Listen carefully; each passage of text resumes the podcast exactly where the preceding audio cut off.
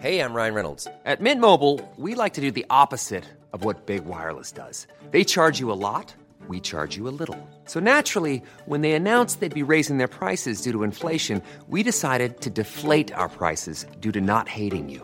That's right. We're cutting the price of Mint Unlimited from $30 a month to just $15 a month. Give it a try at mintmobile.com slash switch. $45 upfront for three months plus taxes and fees. Promo rate for new customers for limited time. Unlimited more than 40 gigabytes per month. Slows. Full terms at mintmobile.com.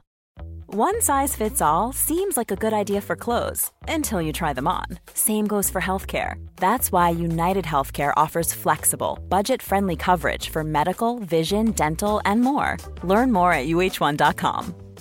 Ready to pop the question? The jewelers at BlueNile.com have got sparkle down to a science with beautiful lab grown diamonds worthy of your most brilliant moments. Their lab grown diamonds are independently graded and guaranteed identical to natural diamonds, and they're ready to ship to your door. Go to BlueNile.com and use promo code LISTEN to get $50 off your purchase of $500 or more. That's code LISTEN at BlueNile.com for $50 off. BlueNile.com code LISTEN. Vad tyst det är. Nu frågar hur jag mår. Hur mår du Henrik? Vad har du gjort i veckan sen vi spelade in sist? Hur mår snoppen? Hästen? Djuren? Alla de här vanliga frågorna vi brukar gå igenom. Dela med dig. Somnade, somnade väl till fyra i morse med tryck över bröstet och sov i kanske tre timmar. Kraschade på soffan en 20 minuter. Det har varit, li- har varit lite mycket. Det har varit lite mycket. Har det varit, om man säga så. Ja. Det Vill var du, kul. vill du berätta om det då eller? Ja, nej, vi ska väl göra ett helt jävla specialavsnitt av eh, Nyheter Idags lilla artikel. Så det kommer väl lite senare eh, i veckan. Och det är lika bra att det får alla reaktioner får komma in och samlas ihop så att vi kan svara. Jag såg precis... Korsfästa alla samtidigt. Vad sa du? Korsfästa alla samtidigt. Eller? Ja, och Hallå? framförallt så ge er tid att lyssna in er. Är du inte Patreon än så bör du bli Patreon och lyssna på avsnittet Cissi Wallins vad, heter det? Vad heter det? Ofriska BFF. Ofriska BFF. Eh, för där Man är också- mycket av den informationen som Johannes Nilsson utelämnar i artikeln. Bland annat att ehm, han är i princip vän med alla inblandade. Och har suttit i en chatt som heter 1488. Och tjatat en hel del om oss under åren. Det känns ju... Det känns ju Det känns- som en relevant information att ta med om man ska lajva objektiv journalist. Det är så himla kul att han låtsas vara journalist. Eh, Man kan också lyssna på avsnitt 99 där jag eh, blir uppringd av Johannes som jag spelar upp där. Han har lagt det bakom betalvägg, Axel. Vad var det Chang Frick sa i det här programmet förresten? Vad skulle man Ja, inte riksdag, lägga... Nej, men det är att så här, eh, man, man ser att eh, mobbning som affärsmodell och då när man ser att man lyckas med det här då måste det bli grövre och grövre så man kan locka fler och fler in bakom betalväggen.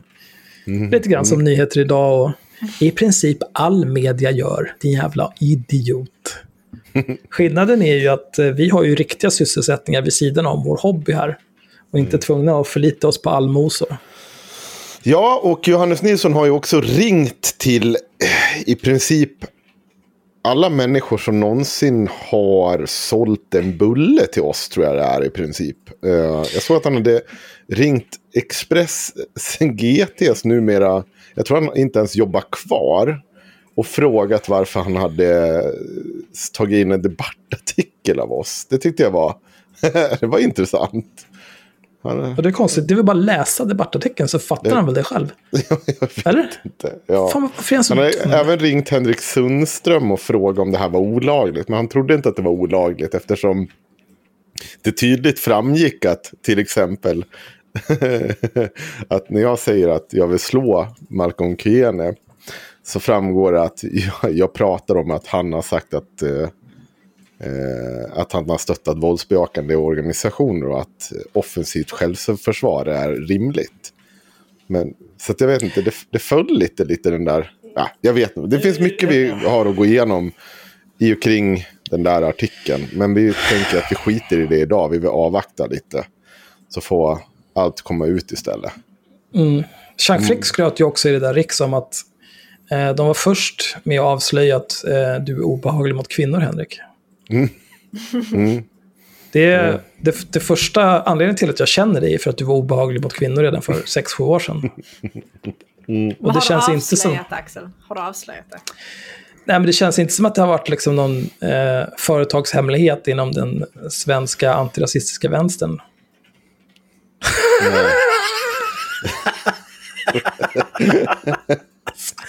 Orkar inte. Alltså, det är också så här, de har ju också så här på nyheter idag, de har ju så här använt våra avslöjanden för att skriva om Linnea Claesson. Vet ni vem det var som skrev den artikeln? Var det Johannes Nilsson? Ja, det kan det fan för att det var. Det är också så här. Jag kommer ihåg, jag ringde och skällde ut honom för att han, han tog en status av mig utan att fråga för att liksom skänka legitimitet sin egen artikel på något jävla sätt och försöka skapa något beef. Så jag ringde upp och skällde ut honom. Då satt han ju också bara stamma. Yeah. och förstod inte alls. Men vadå, kan man göra så här? Det... Men nu, ja, nu har vi säkert, ni som lyssnar på det här avsnittet, redan hört mellanspelet med eh, när jag äter pizza med Johannes Nilsson. Men jag var ju också Nej. Jonas Åhlén. Vad sa jag? Ja, just det, Jonas Åhlén. Det är Ja. så svårt att hålla isär. Eh, alla boomers. Men, eh, jag nämnde ju Stalingrad. Mm. Jag, jag vet inte, jag är, bara, tänker extremt mycket på Stalingrad nu, sen jag sa det så första gången. Det här kommer bli ett problem ikväll känner jag. Så du kommer Eh, bara men- sitta och skrika Stalingrad av olika anledningar nu? Nej, men det kommer, vara, det kommer vara mycket, inte en jävla millimeter. Alltså skjut dem om de flyr och... Alltså, alltså jag är så himla dåligt insatt så jag känner så här den här... Det flyger lite över mitt huvud allt detta. Men jag får väl sitta och läsa på om Stalingrad sen så jag fattar vad det är du har sagt i Ja, det ja. här avsnittet. Jag ska inte påstå att jag är någon expert på Stalingrad. Jag, jag tror det mesta av min kunskap därifrån kommer från första... Eh, vad fan heter de? Call of Duty. Första Call of Duty när man spelar... eh, Det andra världskriget, man spelar som sovjeterna. Eh, då är det fruktansvärt alltså. Man är i Stalingrad och ska försvara staden. Man har en kompis som går först med ett gevär. När han faller, då förväntas man plocka upp geväret. För det finns fler kroppar att kasta mot tyskjävlarna än gevär. Nu men- kör vi. Ja, men eh, jag skulle säga det att jag sitter och skrattar med Alltså jag mår som en tunna skräp. Eh, det gör jag. Jag är så jävla trött och det har varit en lång, lång helg och det har varit mycket tjat i sociala medier och det har varit mycket vi ska ringa till din arbetsgivare, du ska inte ha jobbet kvar länge till. Twinax var in där. Eh, än en gång. Cissi Wallins psykotiska BFF. Eller, oh nej, ofriska BFF såklart. Eh, och tillika vår stalker och Johannes Nilssons buddy. Eh, satt och skrev dagarna innan på Flashback. Hon, det är ju det bästa med henne. Det är att hon inte kan hålla sig. Så hon skrev, måste ju alltid in och vässa. Hon skrev att jag skulle vara glad om jag hade jobbet kvar till våren. Eh, ja, och, och så vidare. Jag såg att det var fler stycken som skrev om, la ut eh, numret till min ordförande eh, och med mera, med mera. Och det hade varit eh, mycket ratings på eh, mitt, min arbetsplats Facebook-sida. Hallå? Ja. Det. Oj, oj, oj. Mm. Jag trodde Mm. att den här, den här typen av höger var emot cancer culture och kött ögonen ur sig om det här med att folk ska bli av med hem, hus och jobb. Bara för att de Ja. råkar säga neger. Ja, det, det har jag också haft en diskussion med en gammal kollega från IRM som påstod att jag hade använt n-ordet väldigt frikostigt och det var hej och hå. Man kommer väl också få säga ett par ord om. Eh, men vi får ta det senare. Jag, det, det, jag kan bara säga så att jag är ju glad att det inte är min första gång. Att det inte är min första rodeo. Men eh, sömn det lär jag väl inte få så jättemycket på den här veckan som kommer. Utan det, det är bara att bita ihop. För eh, hur mycket vi än sitter och skojar om sånt här. När man ser folk försöker liksom lägga ut eh, Och det hände ju precis innan det här och under det här. Eh, min hemadress, jag är ju, det är ingen hemlighet att jag skyddar för uppgifter och det har min familj av olika anledningar också. Eh, de sitter och lägger ut min adress, eller en person specifikt. Ehm, Jonas Folléns kompis. Ja. ehm, det, är, det, är, det tär på krafterna och man måste hela tiden liksom... eh, det är, ja. Jag är glad att jag liksom... Man bara kan gå ut och gå med hundarna och stänga av. För det är lite det där att man måste inse att ibland är det som den där gamla memen. Och- Internetbullying, why don't you just turn off? Eller vad fan det är. Du kan det där. Eh, Tyler the Creator.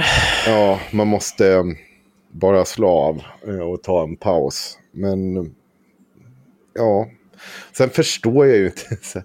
Ja, ta av mig, ta mig jobbet och så ska ni se hur lite jag kommer sitta i den här podden och gör, skapa content. Ehm, ja, Ja, då kommer du ha tid att eh, eh, göra till så mycket research att vi kan släppa fem, sex avsnitt i månaden. Och då är det inget problem. Eh, pengar rullar in. ja, men i alla fall. Eh, skämt åsido, det är drygt. Eh, och det ska jag inte sticka under zonen. Jag försöker undvika att...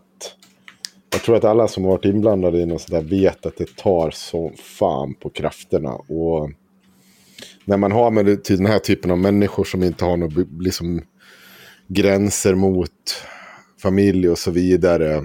Så då är det tufft. Samtidigt så är det ju så som jag, jag skrev eh, den 10 januari. Det finns ju uttalanden som vi har gjort som utan tvek skulle kunna uppfattas. Eller som är och eh, ibland skulle direkt uppfattas som funkofobiska. Och det är ju bara, sånt får man ju ta till sig. Det är inte svårare än så. Men än en gång, det där kommer vi ta upp i, i det avsnittet när det kommer. Eh, Det kommer heta Stalingrad. Ja. Men jag tänker att passa på att säga att jag är varken intresserad av att misshandla Malcolm Kiene, även om det är många som vi får det att låta så. Eller på något sätt vill att människor med NPF-diagnos inte ska få tillgång till olika typer av välfärdssystem. Det var ett retoriskt knep som vi gjorde. Vi tog... Eh, eh, Det handlade ju aldrig om att någon inte Nej. skulle få... Alltså här, det handlar om att man kanske inte ska sitta och så prata om att en viss folkgrupp är parasitär på ett värdfolk Mm. och inte bidrar. När man själv inte bidrar. Och att man måste inventera hur de får sina pengar. Och sen inte liksom klara av att man inventerar hur någon får sina pengar. Wow, är du Pikachu förvånad över att du vart inventerad? Det var, det var, du skulle inte bli det av alla de här människorna. Utan det var ju bara det här invandrade, Bara somalierna. bara somalierna. Men vi, jag tycker inte vi, vi, vi tar det i ett separat avsnitt. Vi kommer dit, det finns mycket att säga om det här. Vi, vi kan ta introt nu här. Nej, en grej till. Jag vill också Jaha. faktiskt tacka eh, Karin Kajan. Eh, att hon ser till att ordna upp Ladies Night i gruppen. Titt som tätt. Hon har styrt upp det där jävligt bra nu. Så haveristerna 2.0 klandervärda. På fredagar händer det grejer. Och jag har lyckats bjuda in min gamla karat, kamrat Kikki Nisenius som ska komma dit och spela i... Fan var det? I februari. Eh, vi ska inte... Jag, jag kommer störa Ladies Night den kvällen för att... eh, Ja, klart du kommer göra det. Ja, varför gäller reglerna aldrig dig, Henrik? Ja, men hon... men hon. Det var hon som valde. Jag sa att du kan få göra det med Kaja, men hon känner ju inte Kajan. Så jag sa att ja, men då kan jag sitta och intervjua dig mellan Det är väl ett strålande tillfälle låtar. för henne att skaffa lite nya vänner. Ja. Men i alla fall, så att det kommer hända mer grejer under Ladies Night. Och, men än en gång, tack Karin Kajan för att du styr upp det där. Det är kul att se att det händer någonting på fredagar. Det är jättetrevligt att alla är så engagerade i det och tycker att det är så himla roligt. Särskilt alla de som grinar varje gång innan och varje gång efter. Det är lika kul varje gång. Wow, ni är så himla intressanta och relevanta människor. Här sitter vi allihopa, hela gruppen, 4 500 människor och bara bryr ihjäl oss om att ni inte gillar Ladies Night. Jävla idioter alltså.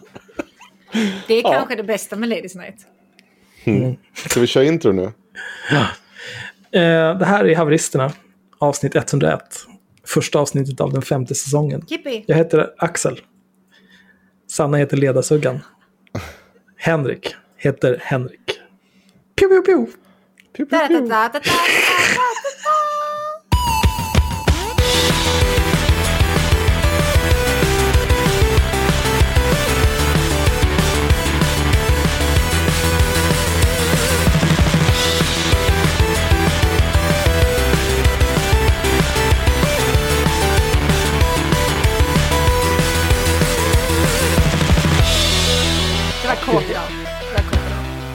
är aldrig ens i närheten av nära alltså. Men jag glömmer ju det varenda gång jag slutar.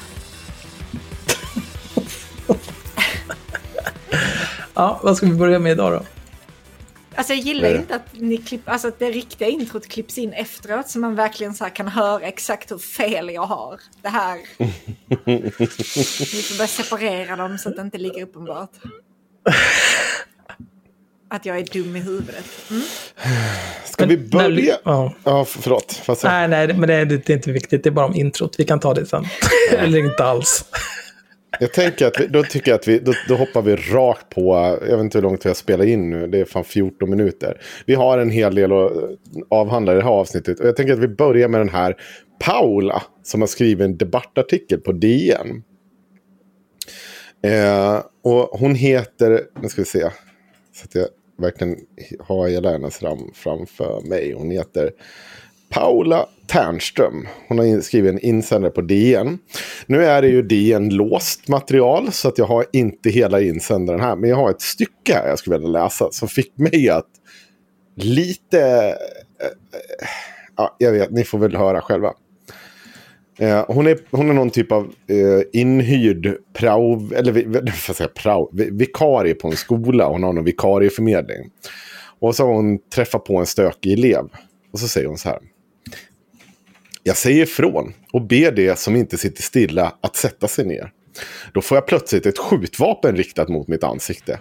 En storvuxen elev grinar otäckt mot mig medan han håller vapnet mot mig. Kanske är det en attrapp. Jag vet inte, men det är metalliskt och ser skrämmande ut. Hotar du mig? svarar jag som på en reflex. För det var vad han gjorde. Jag känner ingen rädsla just då, bara en instinkt att klara upp situationen i klassrummet. Få ordning och arbetsro. Men denna elev har inte lust med något skolarbete. Istället sim eh, simulerar han ett brandlarm genom sin telefon och springer därifrån när jag kommer på honom. Jag jagar snabbt efter, men hejdar mig. Och, eh, mig.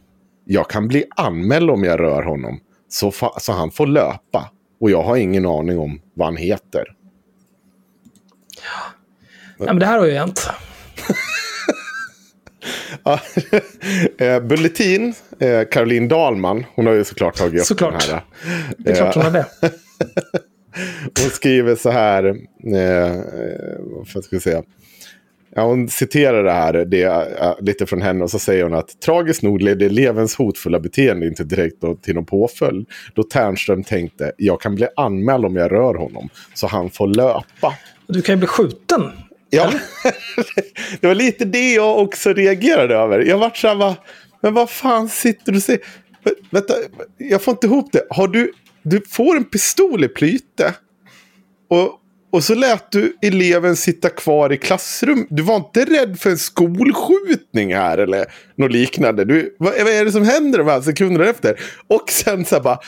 En elev springer iväg med ett vapen. Varför i helvete springer du efter? Varför tar du inte upp en telefon, ringer 112? Det är en elev här med skjutvapen. Du ska inte jaga den eleven. Och du ska definitivt inte i det läget fundera, nej, jag kan ju bli polisanmäld. Jag tror att eleven med skjutvapen, jag tror att den tar ut sig själv på något sätt. Jag vet inte, Ja. det, det var jag spontant tänker. Jag ser inte ett problem med att skol, Skolverket, eller vad heter det, vilka är det som har, i Skolinspektionen eller något, kommer här bara, Nej, men det är väl bara att göra Paula? ett eh, en, envarsgripande och springa runt med liksom ett, ett vapen. Det, det tror jag, det är nog fängelse på det straffskalan, så det är inga problem. Alltså Ja, det men känns det- som... Alltså om man, om man agerar så, eller reagerar så att du bara eh, inte gör någonting och löper den här jävla kantkungen med ett vapen i skolan springa runt. Då känns det som att man har varit på det klara med att det här är inte ett äkta vapen. Alltså då, då känns det som att man har sett det på något sätt. Kanske det är någon jävla vattenpistol eller någonting, vad fan vet jag. Men det är väl enda gången jag kan tänka mig att man skulle reagerat på det här sättet som hon beskriver. Bara skita i att anmäla, inte ringa någon, inte, ja, jag vet inte. Det känns bara väldigt sjukt. Ja, Det, det är också det här med brandlarm från mobilen. Simulera brandlarm från sin telefon. Ah, spela Alltså- upp ett ljud, menar du? Men, men man, hör ju, man hör ju varifrån ljud kommer. Jag gör det i alla fall. Jag vet inte. Nej, jag gör inte det. Jag har menias. Jag är helt... Ja. Man- Nej, men jag har, jag har 3D-hörsel. För jag har två fungerande öron. Ja, precis. Så jag kan liksom som 99% lokalisera varifrån ljudkällor kommer ifrån. Ja. Eh, och är det liksom i någons ficka som sitter ner två meter bort och inte, jag vet inte, från taket. Då kommer inte jag, oj. Jag, jag hade nog inte brytt mig ändå om brandlarmet hade gått. Jag hade nog varit fokuserad på så här, varför är det ett barn här med en pistol? Vad fan ska jag göra åt det här? Det, alltså den här, det, det lämnar ju väldigt mycket till fantasin och till frågor. Så jag kände att jag måste, jag måste nog fan ringa upp den här. Var du lite Paula. nyfiken? Eh, Jag var lite nyfiken.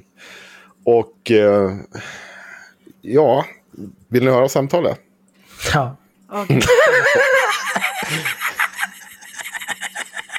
Den här om att du hade fått ett vapen riktat mot dig.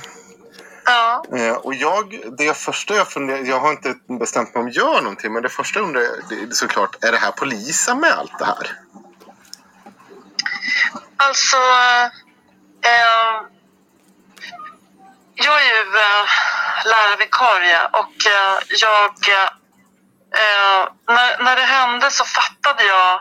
Alltså det, det tog en liten stund för mig innan det här landade vad faktiskt som hade hänt. Eh, så att, eh, och som jag skriver i den här artikeln, när jag gick därifrån så var expeditionen stängd. Så att sen eh, landade det här i mig kanske två dagar senare och då när jag pratade jag med min lärarförmedling, de som anställer mig, och då berättade jag för dem vad som hade hänt. Och då blev de väldigt upprörda och eh, tog det på allvar. Och jag sa, jag vet inte om det var en attrapp eller om det var ett riktigt vapen. Och då sa hon, det spelar ingen roll, eh, för det är ändå ett hot. Och då Och det, 100 procent. Det- 100% håller med. roll. ja, och jag tycker också så här bara, jag gick förbi expeditionen och då var den stängd. Därför har... Vad skulle med expeditionen till? Ring Ja, men var, polisen. var är polisen någonstans? Alltså så här, ja. Det, ja. Eh, Ja, nej, men vi kommer dit också. då eh, skulle hon ta upp det här med skolan och jag har gjort en skriftlig redogörelse. Och ehm, ehm, ja, det är väl skolan då som gör en polisanmälan. Nu vet inte jag hur långt det här har... Det, det skedde ju alldeles nyligen det här. Kan, Så att Alltså om jag... Eh, säg att jag blir hotad på min arbetsplats. Då, är, då är det ju jag som gör polisanmälan. Eh, inte min arbetsgivare. Nej. Eh, men däremot så kan väl liksom min arbetsgivare säkert vara behjälplig med eventuell eh, övervakningskamera, bilder från det. Eh, mina kollegor kan säkert vara med och vittna och sådär. De kanske kan koordinera det åt mig och hjälpa till i det här, den här svåra Men, men stunden. det är du som gör polisanmälan. Det är 100 Men det är ju, men det är, alltså det är, ju, det är ju jag som har blivit utsatt för brott. Ja. Även om det faller säkert under allmänt åtal där. Men... Ja, jag vet inte. Så jag vet inte. Eh, mm. Och, och varför skulle man vilja överlämna polisanmälan om något sånt här till någon annan? Och hur ska det gå till? De kommer ju ändå behöva förhöra den som har blivit utsatt för brott för Ja. att få ta, ta vittnesmål. Liksom. Det verkar super weird. Vad säger du Sanna? Nej, jag vet inte. Det finns väl ganska mycket... Eh, vad fan heter det? Rutiner kring sånt här på skolor överlag. Det känns som att eh, hon borde fått hjälp i detta när det hände. Liksom. Eller... Eh, jag vet inte. Det bara känns som att det inte har hänt någonting och typ ingen har tagit det på allvar. Det får mig att bara känna att det här kanske inte alls hände så som hon beskriver det. Men jag vet inte.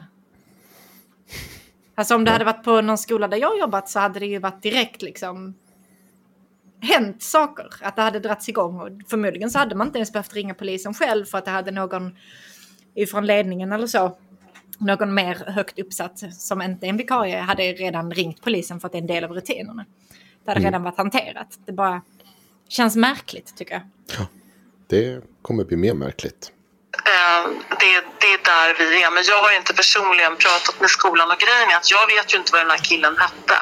För att som jag skriver i artikeln så ville ju ingen avslöja hans namn. Jag kan ju såklart identifiera honom.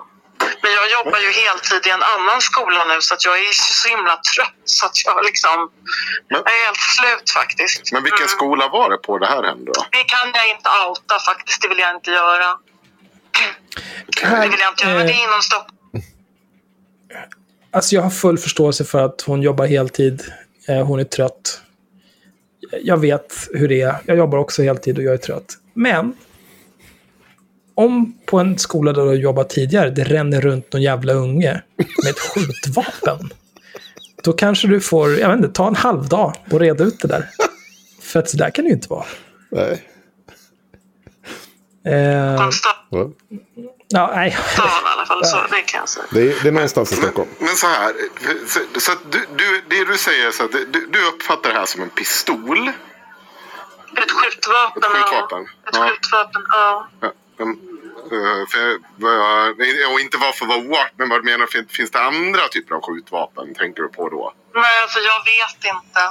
Eh, nej, men ja, det är väl en pistol eller vad. och jag vet inte, jag kan ingenting om vapen alltså. Men, Men du, du springer i alla fall efter honom när han springer därifrån med det här skjutvapnet. nej, eh, han riktade mot mig. Mm? Och då så säger jag, hotar du mig? säger jag. Ja. Och då tar han bort vapnet och så händer det en massa saker. Och du vet, det är så konstigt för att det händer så mycket. Det är som att jag har inte tid att tänka mer på det. För att det är så rörigt och jag försöker få ordning i klassrummet. Och sen så eh, utlöses det ju ett brandlarm. Eh, och då vill alla springa ut för att de tror att det brinner. Men så upptäcker Tydligen var hela klassen hade, vad heter det, vad hade du? Med, Men, ha, Vad gjorde hallå? du? Axel? Sanna, vad hade du för... Va? Så, du såg inte vad Axel precis gjorde? Han han stoppade in någonting i sin mun. Och sen så såg han ut som att gjorde... Vad gör du? Nej, men jag har, jag har en grej här med olika typer av, jag vet inte. Så himla tappad, hallå? Mår du bra? Nej, jag där inte bra. hänger typ någon jävla, vad är det, typ en kedja i munnen. Det ser ut som att någon plågar dig. Vad är det här för... Ja, nej, men det är en ny grej jag håller på med. Eh, Tim har ju kommit ut som elemental på sin schaman. Jag, tänkte tänkte komma på- ut som BDSM-utövare eller självspäkare eller någonting. Flaggelant. Ja. Eh, hallå, ska vi komma tillbaka till det här vi håller på Jag med? bara så chockad av att Axel sitter här och är Konstigt. helt Är det okaraktäristisk. verkligen superkonstigt? Jätte... Ja, i alla fall. Men, nej, men jag hade ju, hade ju en eh, kommentar på det här. Ja. Alltså vet hon inte alltså om det är en pistol, ett maskingevär, en bazooka, någon typ av tank? Vet du vad jag satt och tänkte när de säger det här? Jag hade så bara... vad- Vadå? vadå inte, om det inte är en pistol, vad är det? Någon typ liten armborste? jag vet inte, jag bara fick upp det i huvudet och satt och, så här, liksom satt och fnissade i mitt eget huvud. Vad är det han har dragit? En sån liten handheld armborst. Ja. Mm. Absolut. Eh, typ av riddare som han har haft historielektion för. Men sen också att hon bra, drar det här när hon säger så här. Ja, sen går det här larmet och alla vill gå därifrån. Och då tänker jag att då har tydligen alla din sjukdom. För ingen där har tredje hörsel och tror alla helt plötsligt att det Nej. är... De, de där människorna hade klarat sig så jävla dåligt för hundratusen år sedan. Bara, ja, det låter som att det kommer någon typ av rovdjur. Var? Ingen vet. jag försöker Axel, herregud det är inte så lätt när man På tal om funkofobi grabbar. Ni får väl bara höra åt mig, säg till mig var det kommer något jävla rovdjur. Måste jag höra det själv? nej, men dig skulle vi ju rädda såklart, men de här, har ju- det här är ju en hel klass. Men, men det väl, känns ju ganska uppenbart att det som har... Det, det har ju kanske varit något, alltså så här, vikarie-prank. Har ni aldrig dragit brandlarmet i er skola liksom? Det gör man väl? Nej, det har jag faktiskt inte. Jag var skötsam. Ja, vi var normala i huvudet. Men, Men- nu kör vi på. Hörni. Ja, okej. Blev Vilket friutkastade kommer från skolan jag gick i telefon och då tar jag telefonen och stänger av. Vems telefon är det här? Ja. Eh, man, så här får man inte göra. Man kan inte liksom utlösa ett falskt brandlarm. Det är jättefarligt. Men, men pistolen i rummet då? Pistol, är det här det största hotet just nu för dig? Det är jättefarligt. Men- men har jag- Alltså, vi, Har jag fattat det här rätt nu? Ja. Hon, hon blir hotad med en pistol. ja. Vad händer sen? Han det- springer iväg Det tar en stund. utan sen- sin telefon tydligen. utan sin telefon. Men på något vis så, så, så utlöses någon typ av brandlarm på hans telefon. När han inte är där. Jag kommer ställa Men, hur? Jag ställer Alltså, man- följdfrågor. Man, man får ju ändå utgå ifrån att... alltså, Så här, hade detta hänt, hade man fått en pistol riktad i ansiktet så hade man varit ganska jävla rädd. Eh, fast det är någon töntig liten 14-åring som står och håller den, eller hur gammal nu den här eleven var. Men man hade ju varit väldigt rädd, så det är väl kanske rimligt att hon inte har agerat superrimligt när det har hänt. Liksom. Eh, att, att man inte har jag vet inte, direkt så här, kastat ut eleven, gjort någon Rambo-grej ringt polisen, barrikerat dörrarna för att skydda eleverna. Så man kanske inte agerat liksom jättebra. Helt rationellt? Nej, det kan jag hålla Men med det om. här är ju ändå flera dagar efteråt och det är fortfarande... Jag, jag vet inte. Det känns märkligt. Nej, men vi, vi, vi kommer ställa följdfrågor. Oroa er inte. Så, och då kommer den här killen som har hotat mig med det här skjutvapnet. Han kommer, han tar telefonen och springer, han rycker den i min hand och springer därifrån. Då jagar jag honom. Eh, försöker få tag i honom, och få, få tag liksom i hans ryggsäck, i hans, hans jacka. Men så kommer jag på det, precis som jag skriver, att jag vågar inte, jag kan ju bli anmäld om jag liksom gör någonting. Så jag, han får löpa. Och sen så frågar de andra i klassen vad han hette och det, ingen vill säga det. Så det var liksom både skjut och så det här brandlarmet. Det, det fanns så ingen hade- klasslista eller något sånt där när du kommer dit så att du ska kolla så att alla är där? Jo, jag ropar upp alla eleverna när jag kommer. Det är först jag gör på lektionen. Så ropar jag upp alla 28 namnen. Ehm, men jag kommer inte ihåg vem som är vem. Okej, men det hade du väl kunnat gjort en ny? Jag tän- tänker att du kunde ha gjort ett nytt upprop och veta vem det är som har klivit därifrån så att säga. Du, jag tänkte nog inte på det. Men, Det var ju liksom väldigt eh, tumultartat allting. men om Så- du ser ett vapen, vad, vad, vad, vad var det i dig som fick dig att tänka att nu, nu springer jag efter den här personen med den här vapnen? Nej, men det var ju för att han... Det var, det var inte med vapnet, det var den här telefonen. Att han hade utlöst ett brandlarm. Det var ju därför jag blev så himla förbannad på honom. Sen efteråt så, så landade det där med vapnet. Jag tänkte inte ens på vapnet förrän jag kom tillbaka liksom till Odenplan. Och jag pratade med min pojkvän och, och så sa jag, vet du vad som hände? Så jag. jag blev faktiskt hotad med ett vapen.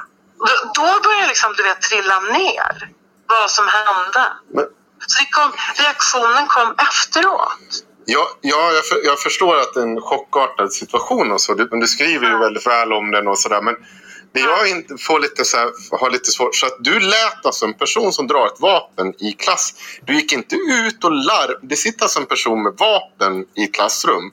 Och du går inte ut och larmar. Nej, jag gör inte det alltså, tydligen. Nej. Du, och det är inte, du ringer ingen polis, du kontaktar ingen annan lärare. Det sitter en person i mitt klassrum med ett vapen och du säger ingenting. Jag tror att jag blev så chockad och det var så mycket liksom som hände. Ja, så var det. Men om jag vill försöka följa upp, du menar alltså att du kan inte avslöja vilken skola det här var så att jag kan följa upp om det finns en polisanmälan eller någonting? Eh, det kan jag nog göra om ett tag, men inte idag. För att jag vill nog avvakta tills den här lärarförmedlingen som jag jobbar för och skolan, för de, det är de som sköter om det här. Mm. Så jag vet ju inte ens vem du är liksom. Så att det är, alla, alla vill veta det här. Ja. Men du vill inte ens avslöja vilken lärarförmedlingen är? Nej, det vill jag faktiskt inte göra. Det vill jag inte göra. Inte det här, inte nuläget, nej. Men du har, nu, nu får du förklara för mig lite här, för det här, det här får jag inte riktigt ihop. Du, du går alltså ut på DN som insändare, skriver om att du blev hotad med en pistol, men du kan inte berätta var, du kan inte berätta vilken lärarförmedling det är som har, du kan inte ens berätta om det har skett en polisanmälan. Du själv kan inte ens, alltså, du, jag har inte ens tänkt tanken på att det sitter en elev med ett skjutvapen i en klass. Hur många var det i den här klassen? Ungefär. 28 stycken. 28 stycken, åttor. Och att det sitter en elev med skjutvapen och du går inte ut och larmar polisen. Det, det finns ju, jag, jag håller ju med om att det är ju helt vansinnigt att det finns en elev med vapen. Men det är ju också blir jag ju väldigt förvånad över att det finns en lärare som inte larmar polisen. Eller? Hallå? Ja, jag hör vad du säger. Jag hör vad du säger. Ja, Jag är, jag är kluven till det här. Alltså det, Eh. det låter ju ändå som att hon... Hon känns ju väldigt genuin i slutet. Alltså det känns ju väldigt så, ja. Nej, jag Eh. antar att det... Alltså det verkar som att hon inte ens har tänkt på att det skulle vara en grej hon borde göra. Alltså, hon låter väldigt chockad liksom. Hon låter väldigt så här, oj. Ja. Ja. ja. Eller jag vet inte. Jag man ska väl inte typ låter recensera sina hon- intervjupersoner. Men jag, jag tycker det mer låter lite som att hon inte var beredd på att någon skulle ställa frågan om varför låter du en elev sitta med vapen i en skolklass och inte höra av det till någon. Nej, det är väl en, Alltså, jag- en rimlig fråga känner jag. Men nu kanske jag gör det här att jag bara tolkar alla mycket välvilligare än vad ni gör hela tiden. Men det känns ändå jag- som att hon... Att, hon, att det var precis när du frågade slog henne att oj, ja det där borde jag ha gjort. Uh, pinsamt. Eller jag vet inte. Jag, jag kan ändra mig. Jag, jag kan tänka mig att det här kan ha hänt. Eh, visst. Men, men det är ju otroligt sjukt. Och, och det är också så här... Man tar väl för fan skolfoton, eller? Du vet, du vet vilken klass det var? Ja, Det ja, finns väl inte jättemånga foton att titta på? och hon säger ju... typ. Hon säger faktiskt först att hon, är, att, det var, att hon inte anmälde för att skolexpedition var stängd. Så hon har ju reflekterat när hon går från skolan. Och då tycker jag väl att någonstans här, från att de här drar tills att du går därifrån, så borde vi där tänka tanken, mobil? Ring polisjäveln. Vad fan är problemet? Det finns väl någon jävla fast lina på en skola idag? Eller någonting så att man kan ringa en polis. Men det finns väl en mobil? Ja, Det finns väl 30 elever där som har en mobil? Ja, och det finns väl inget... Det, lärare måste ju ha funnits kvar. Rektorer, någon måste ju ha funnits kvar. Bara för att expedition var stängd. Så det måste ju ha funnits annat kvar. Annat folk. Någon. Ja, nej, jag, vet Ja, inte. Jag är kluven det- till det här. Vi kör på. Jaha, det Okej. är inte slut. Men du vill alltså inte uppge vilken skola eller vilken lärarförmedling så att jag kan kolla upp om det har skett en polisanmälan? Inte i nuläget vill jag inte göra det, utan jag vill att de ska få sköta det här i lugn och ro. Men varför går du då ut på DN insändare och går ut på massa kanaler och berättar om att det har skett ett, att det här har hänt om du vill att det ska ske i lugn och ro? Det gör det Därför att jag tycker att det, det som hände är en utlösande faktor på hur det ser ut i skolan, hur galet det är.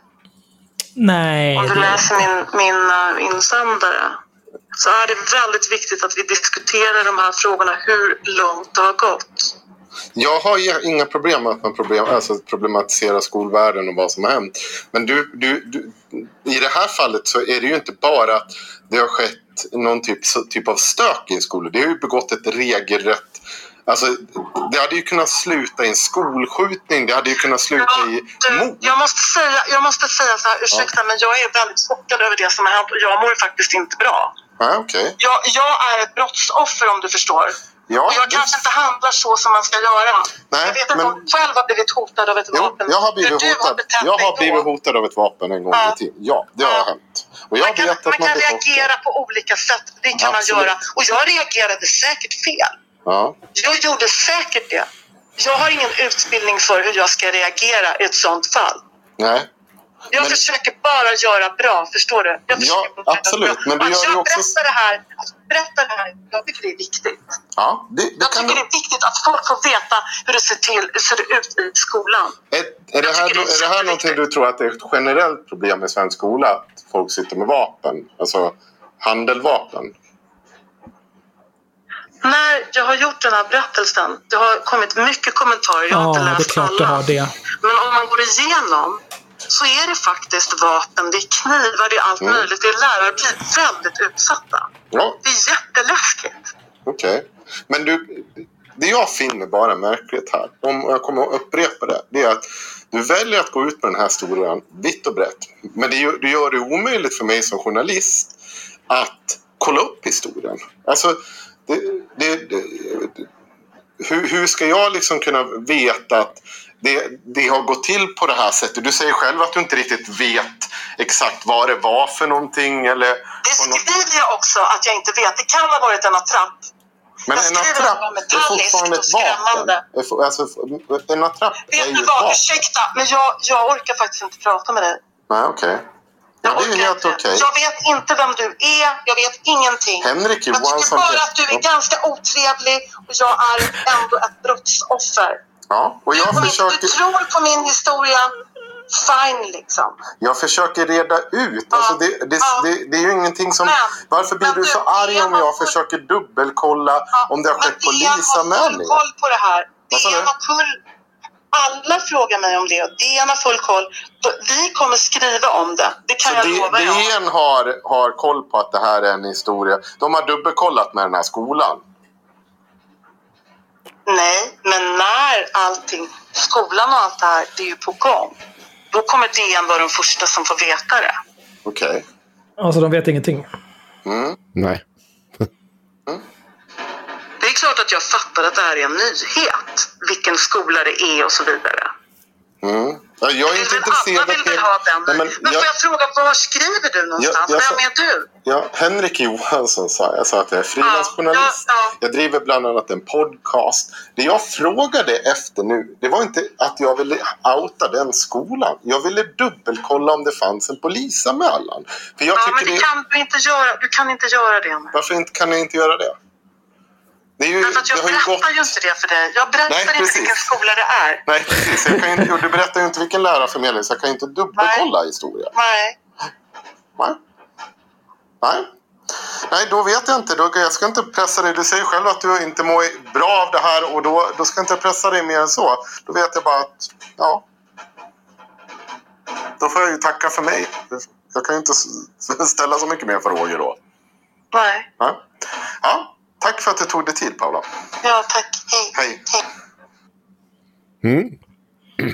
Alltså det är ju, du, du trycker på en viktig poäng där liksom att om du vill att de ska sköta det i lugn och ro, att det här ska gå rätt till och bla bla bla. Mm. Nu, nu i efterhand liksom när... Eh, eh, varför har du skrivit för DN? Hon har inte bara skrivit för DN, hon har skrivit något jävla på något sätt konstigt eh, socialt media som har fått jättemycket uppmärksamhet och på si- sina sociala medier. Och fått hur mycket jävla delningar som helst. Så att nej, det är såklart någonting som inte går ihop i hennes historia. Det här är ju, jag skulle inte sträcka mig så långt som att kalla att hon snackar ju skit. Du är inte ute efter, du vill ju berätta den här berättelsen. Men du vill inte berätta på något sätt så att man kan dubbelkolla informationen. För här finns det ju även om det här har hänt. Alltså, det här är inte bara en berättelse om en svensk skola där vapen har blivit en del av vardagen. Det är en berättelse om en lärare som heller inte eh, agerar för sina elevers bästa. Alltså sorry, men det är så det är. Om du, för hon säger gång på gång, vapen eller vapenattrapp. Det spelar ingen roll om du inte vet att, en, för, för den som lyssnar nu, en attrapp, det är bara en sak som ser ut som ett vapen. Det, det, är som så här, det är väl klart att det kunde ha varit en vapen men det är ju ingenting man chansar på som lärare. Och jag förstår att en chockad person kan agera på väldigt många olika sätt och vis. Men jag vill nog att, att det, liksom ska, det måste någonstans ske någonting mer än så här. Än, än att du bara liksom låter det vara och sen pratar om något konstigt larm som går från någon mo- mobil och kan liksom inte redogöra för ett händelseförlopp på ett bra sätt och framförallt inte redogöra hur vi liksom ska kunna kolla upp om det här, upp de här uppgifterna stämmer. Nej, alltså den här, alltså, så, de här, den här skolan behöver ju absolut se över sina rutiner om det är så här Ja. går till. Eh, för att det här, det här ska ju inte kunna hända. Det måste ju ske någonting. Att, att, att Paula är chockad och inte kan agera korrekt i en sån här situation, det får man ju ändå förstå. Mm. Men att det inte blir någon backning från skolan gentemot henne då. Eller att det drar igång på, alltså så här, att det är någon men- annan typ av lärare eller som kan hjälpa till och liksom identifiera den här eleven. Det måste ju finnas lärare som inte är vikarier på denna skolan. Lärare som har koll på eleverna. Ja. Som kan Och- säga och- vem det är. Re- Redan dagen efter så vill man ju veta, den här eleven ska ju inte dyka upp på skolan igen Nej, med gud, vapen nej. igen kanske. Det måste ju liksom stoppas omedelbart. Du kan ju inte ha, hur kan, det, ingenting i den här historien känner jag liksom är, det finns det så jävla många ut. fel. Som inte bara handlar om just ett vapen på en skola, utan alla rutiner runt omkring. Hur kommer det sig att det och, och just det här att vi inte får veta någonting. Och så bara, ja men DN vet, de är på det här. Ja, har de fått reda om skolan? Nej. Nej, då är de väl inte på det heller. Det är ju bara ett hittepå av dig. Du har ju skrivit en insändare. Det är ju DN som inte har tyckt att det här var värt att faktakolla innan. Och jag hade nog inte publicerat något liknande om inte jag kunde få någon typ av information. För det är så jävla allvarliga anklagelser mot svensk skola. Och då kanske man, en tidning som DN åtminstone med den svansföring de har kanske borde ha lite mer koll. Och inte Ja, det är en bara... väldigt spektakulär story alltså. Ja, det, det är det. Jag var... Ja, det, det, var väldigt, väldigt märkligt var det. Ja, alltså Ja. att, en, att en elev springer runt med skjutvapen är ju verkligen... Det, det är ju inte alls bra. Det är ju risk för att hur många som helst dör, för att hur många elever och lärare och annan personal som helst skadas. Det måste ju tas på, på högsta allvar. Det borde absolut finnas en rutin för att hantera det där som inte är prata med sin vikariebanks samordnarperson ett par dagar senare. Ja. Men det där känns väl som någonting som man går igenom när man jobbar som vikarie. Alltså kanske inte så här alla rutiner exakt. Men Jag om någonting inte. händer, ring det här numret. Ja, man får ju säkert någon sån här liten... Jag vet inte, jag har inte arbetat Någon- som vikarie. Någon liten pamflett. Ja, men jag tänker om man... Ja, jag vet inte, jag började ju på ett nytt jobb nyligen. Då fick jag en, en, olika pamfletter. Så här larmar man av, så här larmar man på. Hit ringer du om larmet går. Det beror nog också ganska mycket på om du är alltså en mer långtidsvikarie eller om du kommer in en dag eller så på grund av någon som har en Mm, kortvarig sjukdom. Kommer du bara in en dag så tror jag att det är inte folk som har så himla mycket tid att lägga på dig att du ska verkligen komma in i, i arbetet på bara den dagen eller den få lektionen du har. Liksom. Då, då tror jag att folk bara låter dig köra på. Håll dem sysselsatta liksom. Tyvärr. Vad kom vi fram till här då? Det kan ha hänt. Ja, nej, men jag vet. påmindes ju om, om denna grejen eh, med, med Paula. Eh, för att idag så var det ett knivbråk på, eh, på en skola här i Trelleborg där jag bor. Och eh, eh, där är ju... Det kom ju ut i, i tidningen och i stora media idag när det hände, bara en stund efter att det hände. Och eh, pojken som faktiskt skadade den andra. Den ena pojken ligger på, eh, på sjukhus och har ganska allvarliga skador. Den andra pojken är omhändertagen av polisen och skolan har börjat sin egen utredning bredvid polisens utredning och ska liksom se över sina rutiner och sånt bara på en gång. Eh, För att de har en handlingsplan för det här. Eh, att de kan gå liksom i aktion direkt. Det är lite mer... Trelleborg är väl kanske inte utbildningens högborg, om vi säger så. Ehm, men där är ändå ett, ett exempel på där det kanske hanteras lite, lite mer korrekt. Kan det vara så att folk blir huggna tillräckligt ofta i Trelleborg så att det är värt att ha en handlingsplan? Nej, jag tror jag inte. Jag har aldrig blivit huggen. Då så. Jag har en kompis som säger att jag högg den. Det är inte sant. Eh, Men, eh, men han säger det. Ja. Nu är ju inte din kompis här och kan försvara sig så att... eh, Nej, men han är en lögnande jävla... Lögnande! lögnande. Han är en ljugande jävla fitta om man säger att jag högg honom med. Det gjorde Ja. jag. Den här kullen kommer jag dö på. Jag tror jag har hört den här storyn. Var det, när, var det han som gick in i en knivduell? ja Mm. jag lagar mat. Gestikulerade lite när jag pratar som jag gör. Den här jävla idioten går in i min kniv. Alltså det blödde knappt, alltså på riktigt. Det blev kanske en liten röd skrapa på armen liksom. Gråter.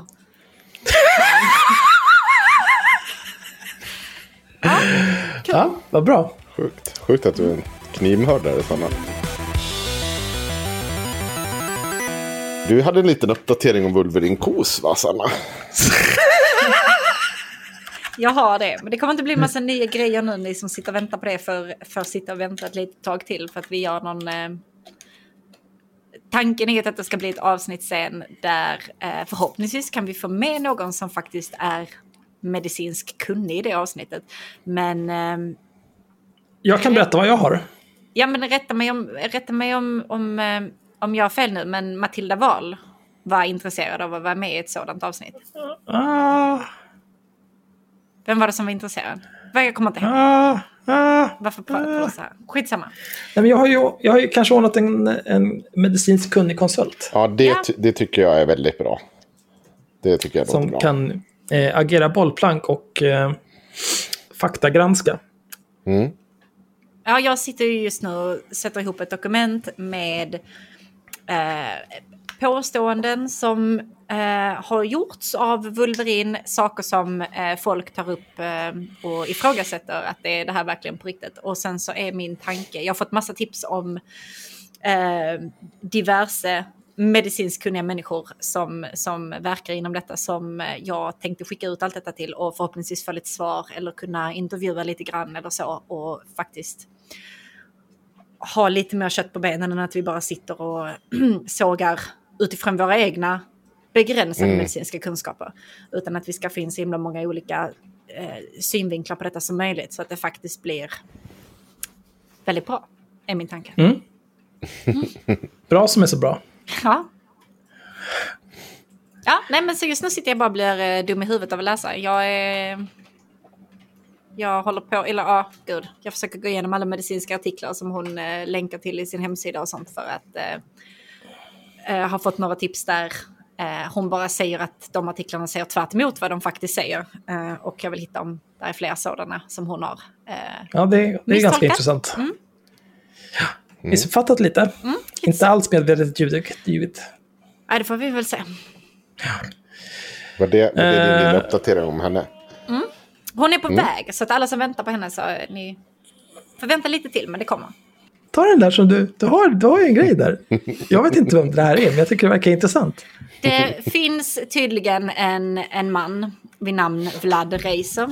Eh, För er, liksom jag, som inte visste vem Vlad Reiser är, så var han med i Melodifestivalen 2019 och är nu någon typ av influencer, har YouTube-kanaler och ganska stort antal följare på Instagram. Eh, under veckan som har varit har jag varit inne i hans kommentarer och bråkat med små pojkar. Eh, men det är utom, utom vad jag tänkte prata om här nu. Jag tänkte, först ska vi ta upp vad han faktiskt har gjort här.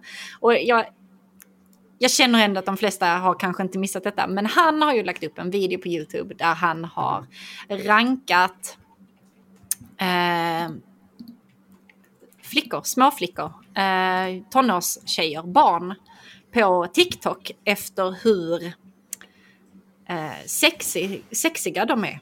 Eh, på en skala som han då har uppfunnit som går från 1, vilket är pappas ängel, till 10 som är haram. Eh, han börjar sin video, han börjar sin video så här. Idag mina vänner är vi samlade här för att jag ska döma skiten ur tjejer. Eh, varför gör med han så tjejer här? menar han eh, mestadels minderåriga tjejer eh, som dansar på TikTok. Och nej. eh, ja, han, har, han har liksom... Han säger det flera gånger innan han faktiskt börjar videon också. Att, att eh, "Ah, shit, folk kommer eh, hata mig för det här. Och jag, eh, vad, vad gör jag egentligen? En vuxen man som sitter här och dömer små tjejer. Bla, bla, bla. Alltså, så han vet om att det här är, det här är inte en rimlig sak att göra. Men Det här ändå fortsätter han. Det låter som den bästa idén som när vi satt och gjorde poängkort till tjejer som gick ner till badet vid Hultsfredsfestivalen runt 2000 någonting. Det är Eh, alltså- Fruktansvärt smart och bra idé av oss. Inte alls eh, grisigt på något sätt. Det är... Alltså för, Får du ångest, Henrik? Så här är Ja. det så här. Om, om, om man som vuxen bedömer en annan vuxens utseende eller sexighet i det här fallet, då kan man väl göra det. Kanske inte borde basunera ut det till dina tusentals följare och så vidare.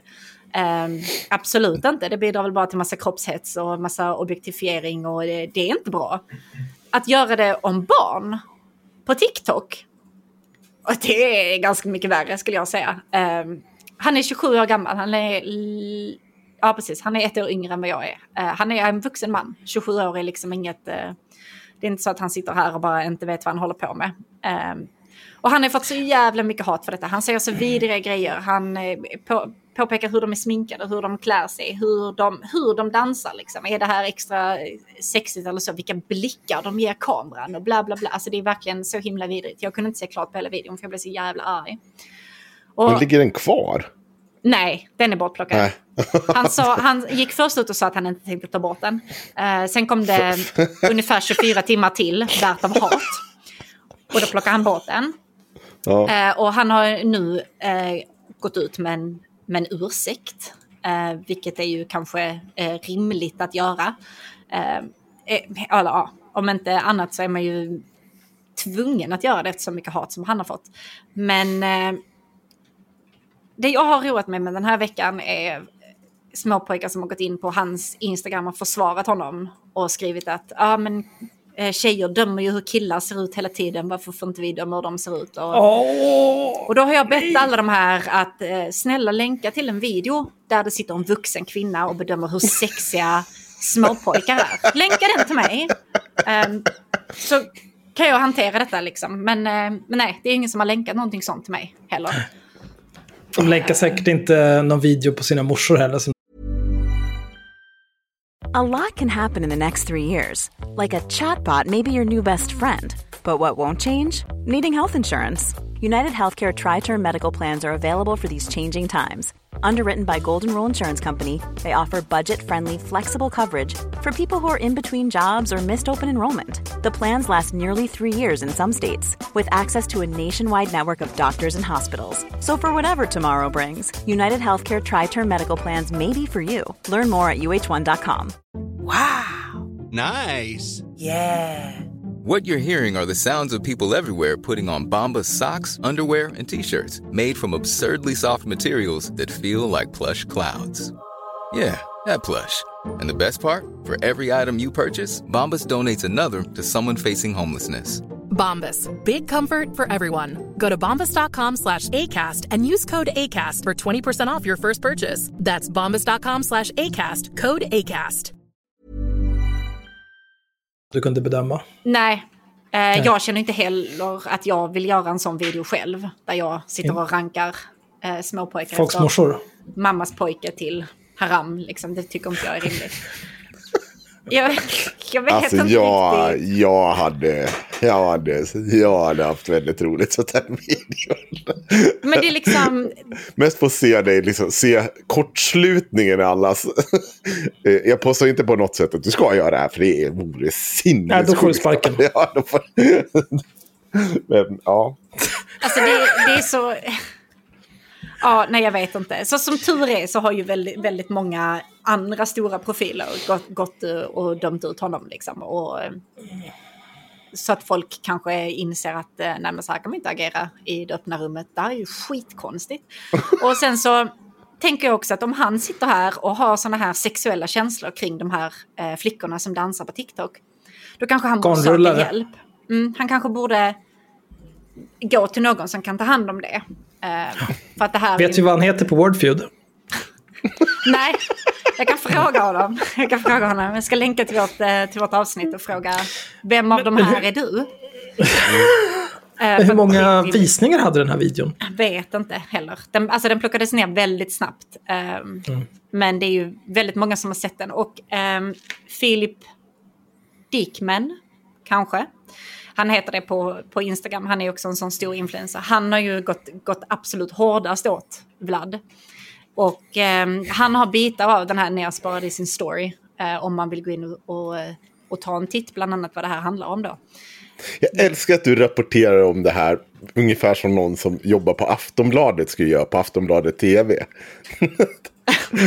Bara att du inte har koll på några namn. Är så- Nej, men han heter Philip är. Dickman. Jag var väldigt Ja, ja. osäker på om det är så Ja. jag uttalar Eller man uttalar det, jag vet inte. Kanske Dickman. Di, Det känns som du, något du borde kunna relatera till, Henrik. nu är det någon som inte heter Sven Svensson här, då blir det kortslutning. jag, jag är från Skåne, det är så överallt. Och hon Isabelle på Riks. Alex Lu... Axel Luör... Läs vad det står. Sluta Ja, knarka. Gud, ja. Nej, ja. Nej, alltså för, han, hans första försvar var liksom att nej men jag har tagit åt mig av kritiken, tack för att ni ser till mig och bla bla bla. Ehm, men jag kommer inte ta bort videon så att vi kan jag kan fortsätta lära mig av det här eller jag vet inte, sån jävla trams. Det- ja. Sen så kom det ju bara ännu mer hat så att han var tvungen att plocka bort den. Sånt jävla skit kan inte ligga upp alltså. Fy fan. Jag måste säga, jag, jag sa ju det, eh, vi gjorde ju något liknande på liksom, Hultsfredsfestivalen där på början på 2000-talet. Ja, och jag, jag tänker mer så här, eh, ja, man var ju ett sånt jävla praktsvin alltså. Det är ju, satt liksom i en jävla gång ner till stranden och, och gav poäng på de som gick förbi. Nu gav vi bara bra poäng. Uh, det, eller, det, det underlättar ju.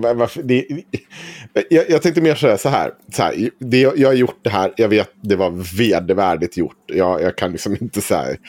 Det finns inga ursäkter till det här. Eh, det är så jävla sinnessjukt gjort. Och jag tycker ändå så att det borde ha varit. Det Känns som att det kommer ett men här snart. Jag var gammal nog för att förstå. Jag tror precis att jag skulle säga att jag tycker ändå så att jag borde ha förstått det här. Varför gjorde jag så här? Jag är så jävla korkad var jag. Men jag tänker också så här, en sån här sak försvinner. Där och då, eh, och fatta mig rätt nu, att det, då var ju det något sånt där glatt minne. Vi hade satt och var fulla och hade jättekul alla. Det var fint väder och, och ja, liksom allt var toppen. Men sen så går ju åren. Och så en dag, då bara kommer det här i huvudet. Man bara, vad gjorde jag? Gjorde jag, sa jag? Vad håller jag på med? Jag? Varför var jag sjuk i hela huvudet? Händer det bara ibland för dig? Eh, Men, men som, alltså, som jag sa tidigare, det händer väldigt... Alltså, så jag har ju också suttit på någon vinkväll med mina tjejpolare. Vi har börjat diskutera utseende hos folk och så vidare efter, alltså efter något glas vin. Liksom. Det, det händer ju. Jag antar att de, det här händer folk ibland. Men Ja. skillnaden är ju att eh, ett, du rankar inte barn efter sexighet. Och två, du lägger inte sen ut det inför dina hundratusen följare. Så Nej. att de också kan få lov att ta del av den här skeva jävla kvinnosynen. Det är, så Det är, det är en stor skillnad. Det är en stor skillnad på att ha lite svårt att skilja på rätt och fel ibland. Eh, och på att profitera på att sexualisera barn. Ja.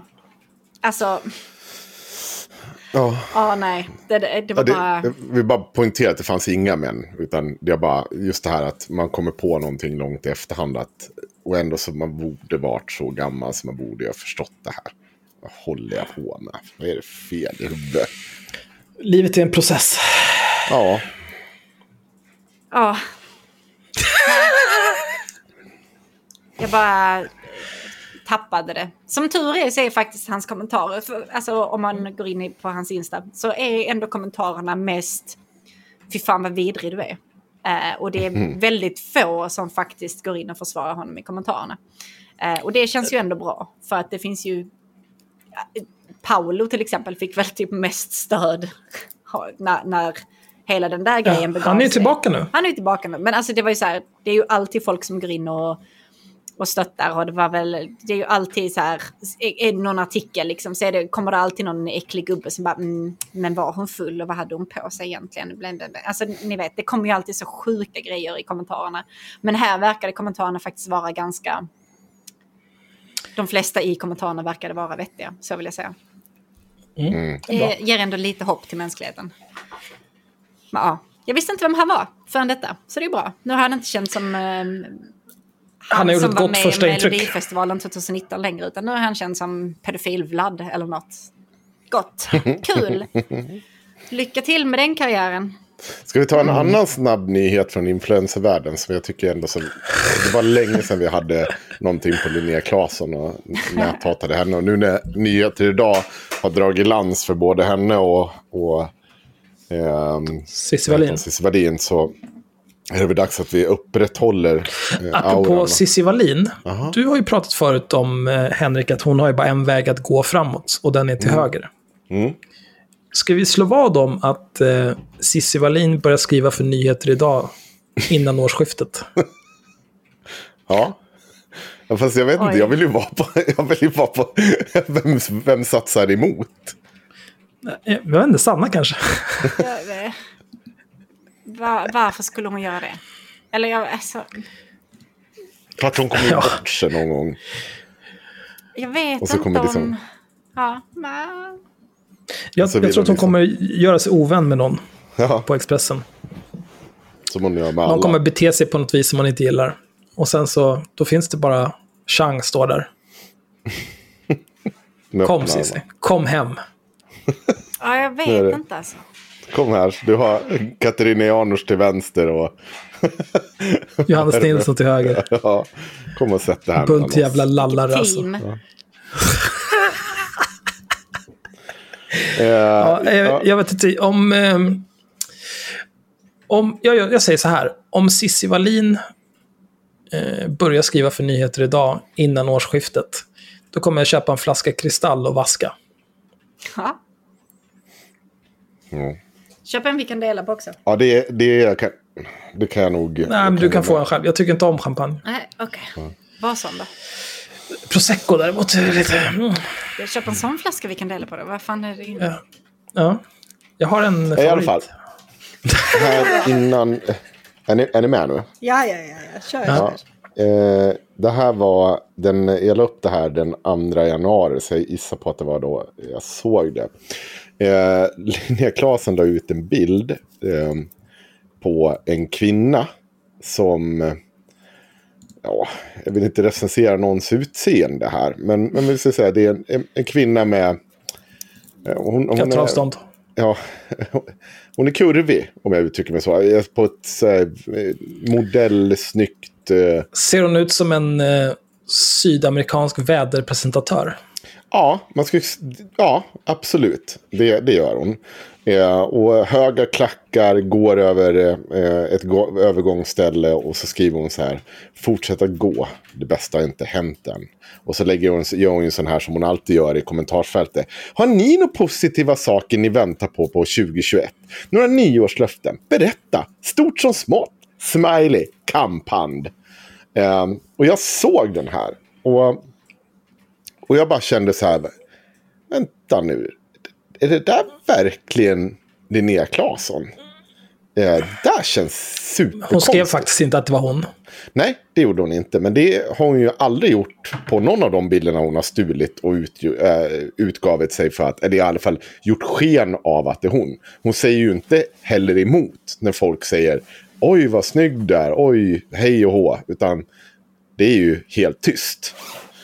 Eh, och jag började gräva lite där och bara testade liksom eh, reverse image, image search. Och hittade det här på, jag tror det var på Reddit.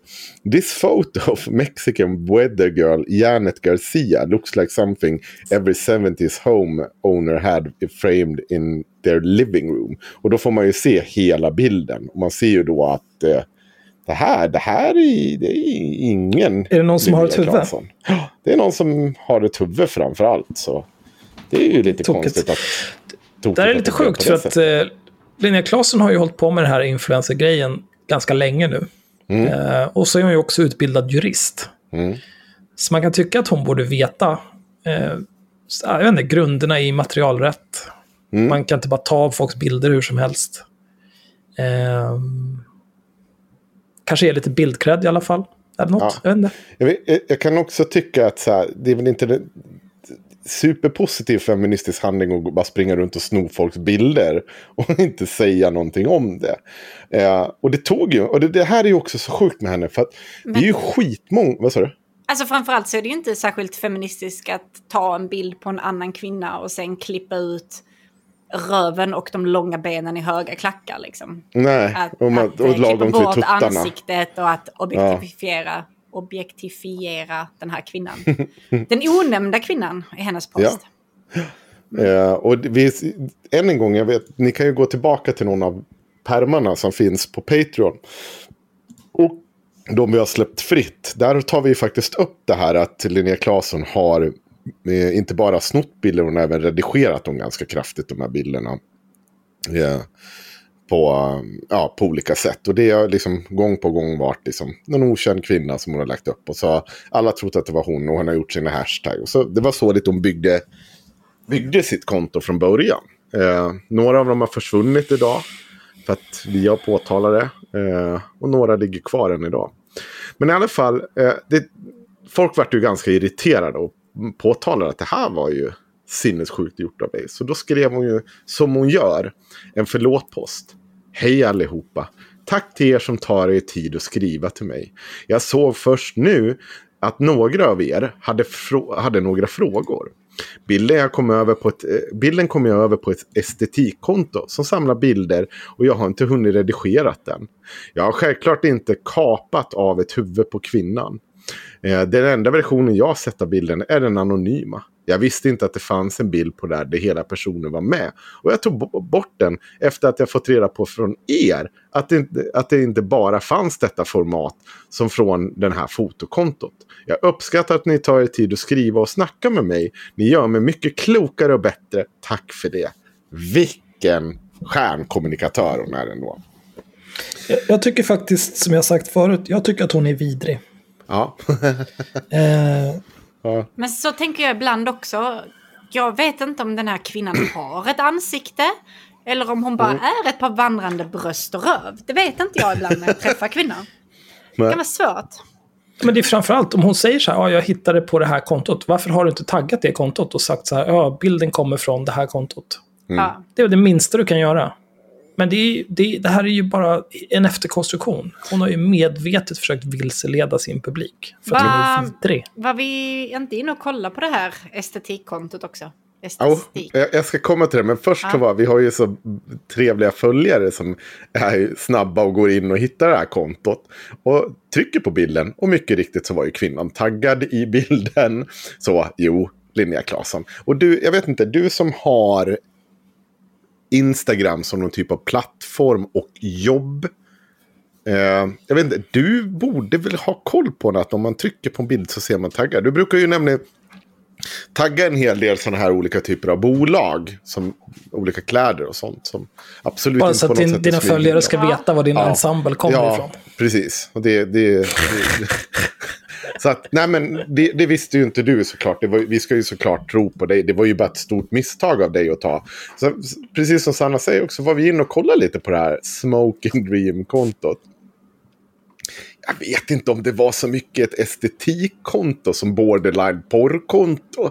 Om jag ska vara helt ärlig. Och jag dömer ingen för att de följer snygga tjejer. Pryd-Henk och bara... Ja, nej, nej, Nej. nej, absolut. Hon får följa, hon kanske tycker det är tre. Men vi, kan ju säga att det är inte ett inredningskonto följt. För apropå det. Ja, Jag har en helt orelaterad historia om när jag tänkte följa en tjej på Instagram men valde att inte göra det.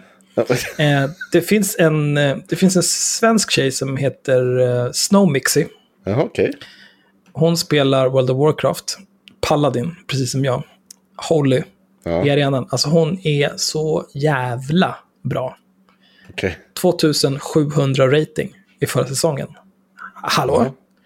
Så jag har kollat lite grann, jag orkar inte kolla på hennes streams, men jag, kollar på, jag följer henne på YouTube och kollar på hennes videos så att jag också kan bli en bra paladin. Eh, Det går ju åt helvete, jag blir fistad av Rogue Mage oavbrutet.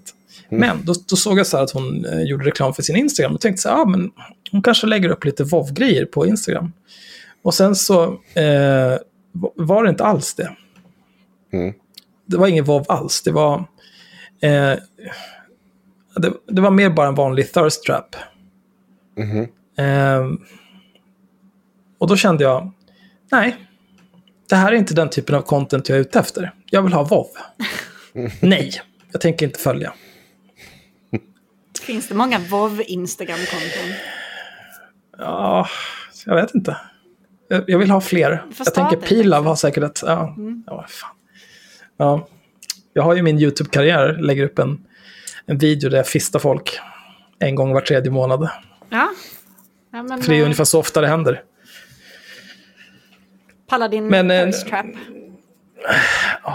Hovarna. Jag, jag måste i alla fall ge Paula Dahlberg, vardagsrasismen, lite cred. För hon skrev en kommentar till Linnea Claes. Hon skrev så här.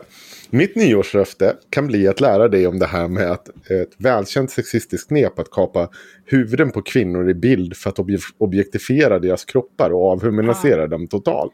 Kanske i synnerhet när det görs i kombination med att behålla dem namnlösa och försöka casha in eh, bilderna på deras kroppar.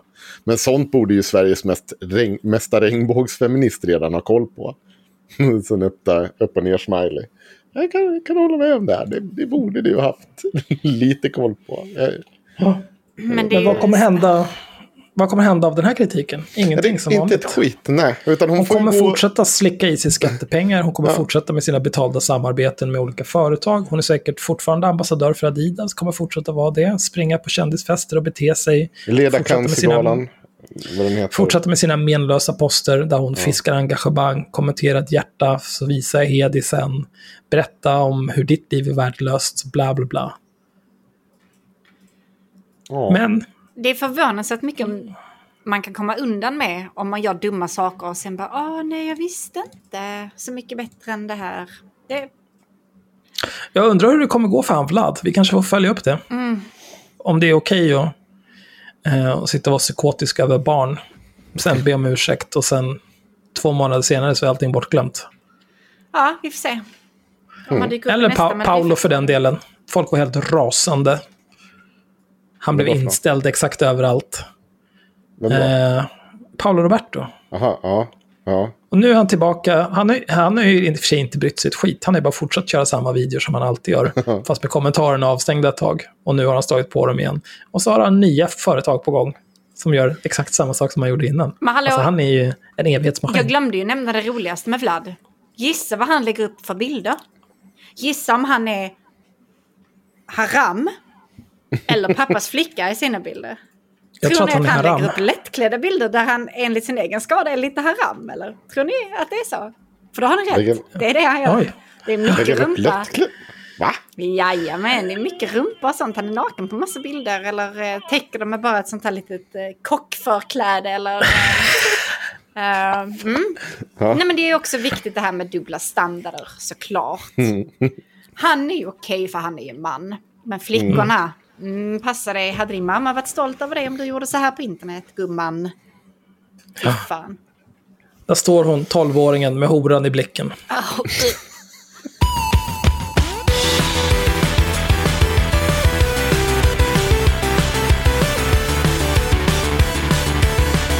Vi kör, jag, kör, jag kör Stadsinspektionen här. P1 har varit i Avesta. Eh, Alvar, det här avsnittet heter, det sändes torsdag den 21 januari. Eh, det kan också vara, äh, vi, vi, så här, Alvar Aalto gör besök till Avesta. Eh, värt mördaren heter person. Det. Eh, så ska vi se. Vi kör från början. Ja, nej men vi kör här. namn Alvar Aalto. Alltså, får det se ut så här? Får det se ut så här, Avesta? Alltså, vad är det här för råtthål? Ursäkta? Va? Va? Va? Vem är du? Vad är det här? Va? Vad är du för Det bästa jag liten? hört.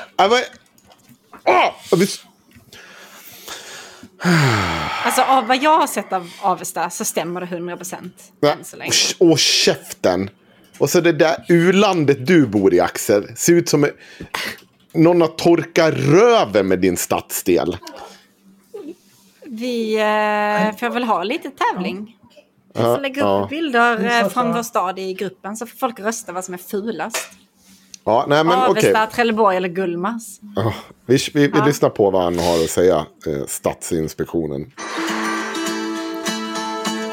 Du lyssnar på Stadsinspektionen. Idag är Mark Isitt i Avesta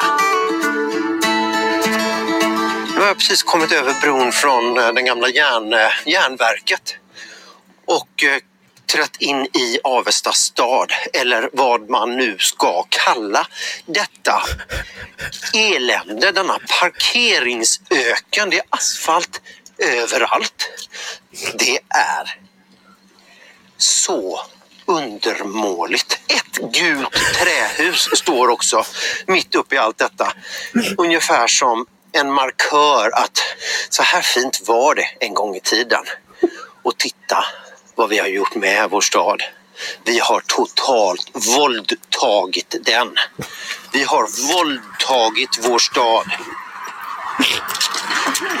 Men Det är för jävla apa! Kom hit till min stad! Och snacka Skitbra. Fan vilken jävla kuk du är! Det var det jävligaste jag varit med om.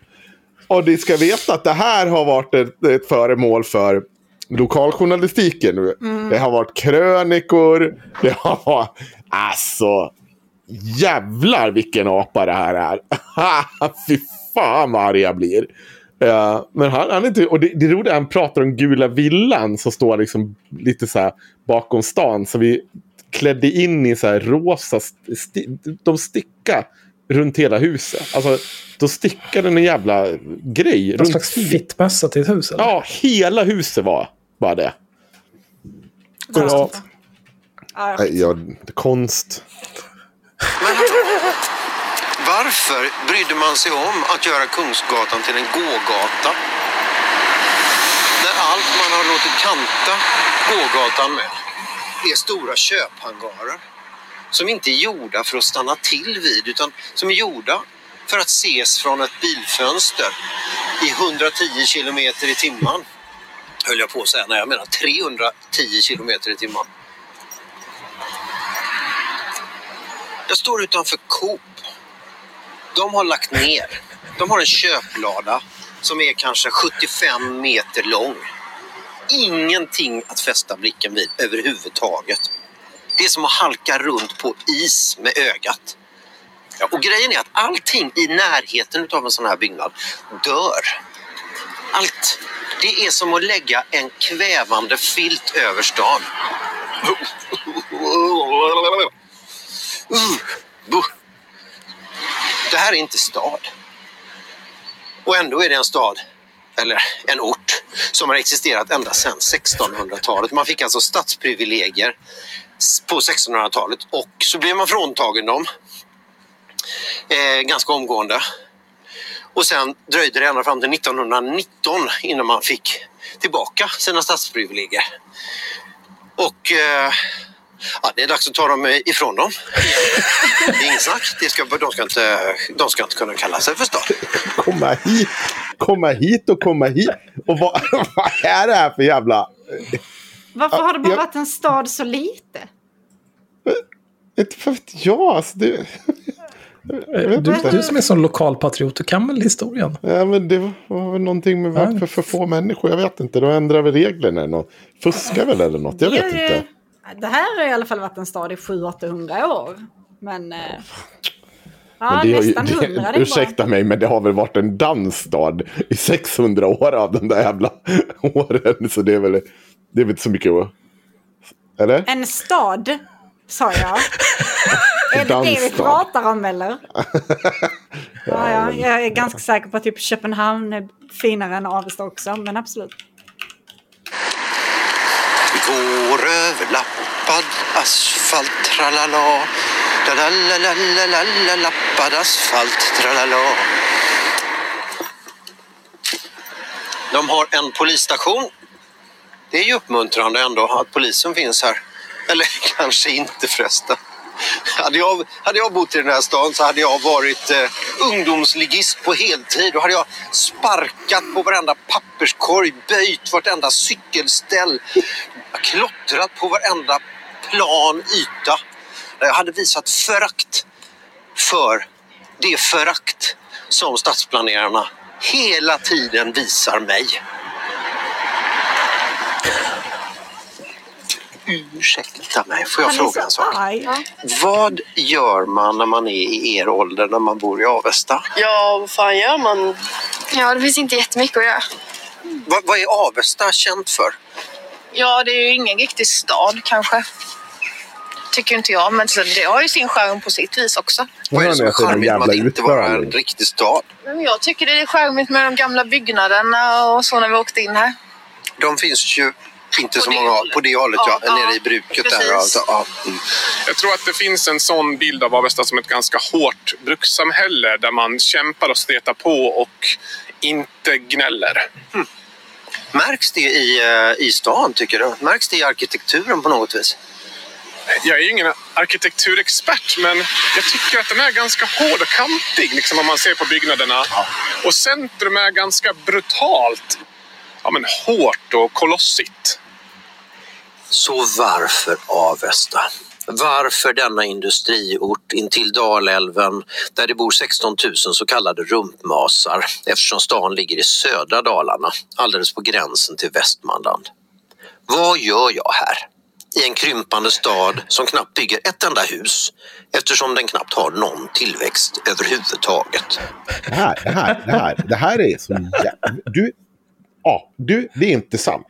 För det första har det varit tillväxt i den här jävla stan varje år.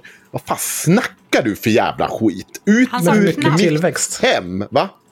Ja, men alltså, det byggs ju hus hela jävla tiden. Har du varit ner på stan? Du springer ju runt där, kan du inte se? Du måste ju ha varit där. Det var ju för fan full nybyggnation runt omkring där du gick till. Jävla apa. Han är så jävla sjuk i huvudet. Och bara går runt och pissar på allt. Springer upp i allt. Det är fint. Alltså, ju sunkigaste huset vi har. I Avesta så har jag varit i en parkerad bil bakom Systembolaget och bytt blöja på, min, Mm. på mitt barn medan ni handlar sprit. Jag har Mm. varit eh, på eh, Lantmännen med din Mm. sambo. Och vid någon mataffär som jag inte kan komma ihåg vilken det är. Så mycket, så mycket av Avesta har jag sett. Mm. Mm, men det är Jag har ätit carbonara i Avesta. Vad bra. Hur var Mm. den Axel? Ja, den var ganska nice. Eh, men jag passade på att live-googla lite eftersom det är vad vi gör i den här podden. Uh, Arkitektupproret har någon typ av genomröstning varje år där man röstar fram Sveriges fulaste stad. Och där kommer Avesta på 48 plats. Eh, det är lite finare än Trelleborg som kommer på 40 plats. Eh, men vinsten av, av våra tre städer tar ändå Stockholm som kommer på 25 plats. Så att enligt Mhm. arkitektupproret är din stad fulast också. Ja.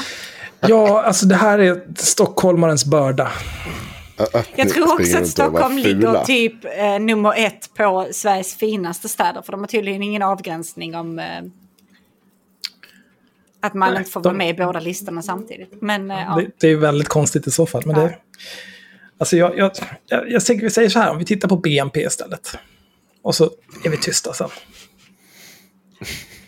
Fortsätt med din sågning om, av Avesta, Henrik. Nej, jag har inte så jävla... Jag vill inte lyssna på den här jävla... Han ska inte ha någon mer uppmärksamhet. Kommer han hit igen, slänga ut dem med huvudet före. Det är vad som gäller. Alltså, det är det dummaste jag har hört någon gång. Och det är också så här, går runt i Avesta stadskärna som de ska typ bygga om nu och har liksom gjort jättemycket planer på. Gå ut och titta lite runt omkring. Och gått, gå runt i ditt... Åk till Stockholm! Försvinn! Försvinn! Bort! Bort, från oss! Vad ska han göra nu?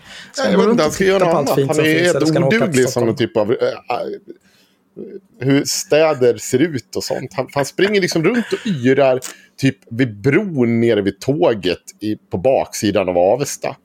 Springer där och bara konstig. Eh, sen vår jävla landsförrädare till eh, anfader Lars Isaksson som är kommunalråd. Han säger ju också att Avesta är fult så han ska ut han också medan vi går. Mm. De säger faktiskt att Borlänge är Jag, jag tycker om Lars. Nej, för, förlåt Lars. Jag tar, jag tar tillbaka det där. Jag vill inte, jag vill inte, jag vill inte bli persona non grata totalt här. Jag kan inte hata på Lars Isaksson hur som helst. Nej, du har väl tillräckligt med fiender. Ja, ja. Behöver inte, behöver inte ta han också. Men, ja, nej, nej, men det, var, det var kul att sitta och lyssna på det där. Jag var inte alls irriterad på honom. Och det, alltså det värsta är att man blir ju så här, nu är det lite svårt. Man blir ju teatralisk i efterhand. Men när jag satt och lyssnade på det, jag bara satt i bilen. Vad, vad fan säger han för någonting? Vad är det för fel på den här jävla människan? Alltså, totalt jävla... Och jag ser ju de här Facebookgrupperna. Jag tror aldrig någon har något ha ena oss Avestabor mer än föraktet för den här jävla stockholmaren alltså, som kommer och röjer runt i stan och säger att allt är fult.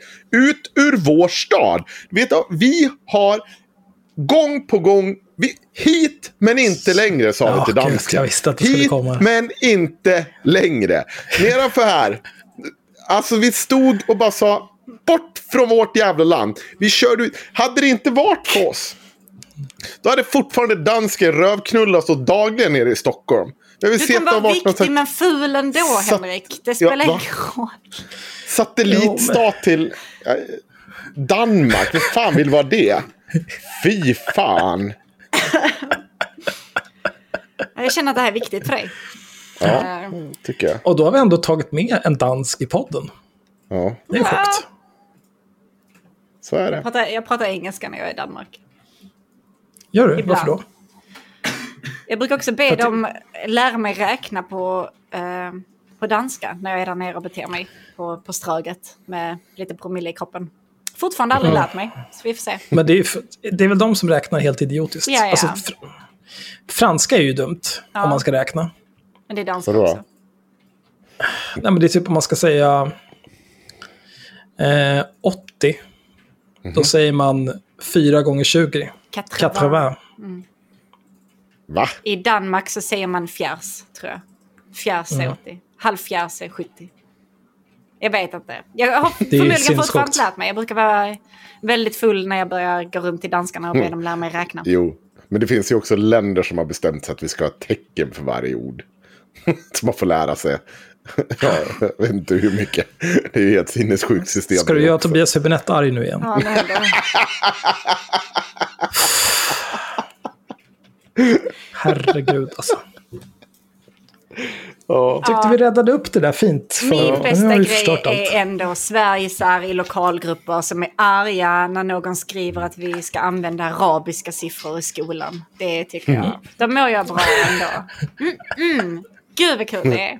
Ja, de, de har för övrigt lagt upp Johannes Nilssons artikel i eh, du, du vet att du är från Avesta när ordet är fritt. Gruppen. Sitter eh, min gamla kollega Hasse och säger att en idiot är alltid en idiot. Även om man försöker visa motsatsen. Va? Vad ska det betyda? Ja, Jag vet inte. jag vet inte. Han tycker inte om mig helt enkelt. Det får han väl. Det är väl helt okej. Jag är inte superförtjust i Hasse heller om jag ska vara helt ärlig. så jävla dum. Det är så här vuxna människor som liksom aldrig någonsin utvecklas på något sätt. Duktiga, liksom, eh, ja, duktiga liksom elektriker, allt så här. Men det, det liksom står stiltje sen i övrigt. Det är villa, Volvo, hustrun och två barn. Så är det, nu står det still. Ja, så så det som skiljer dem från dig är att de inte har en podd?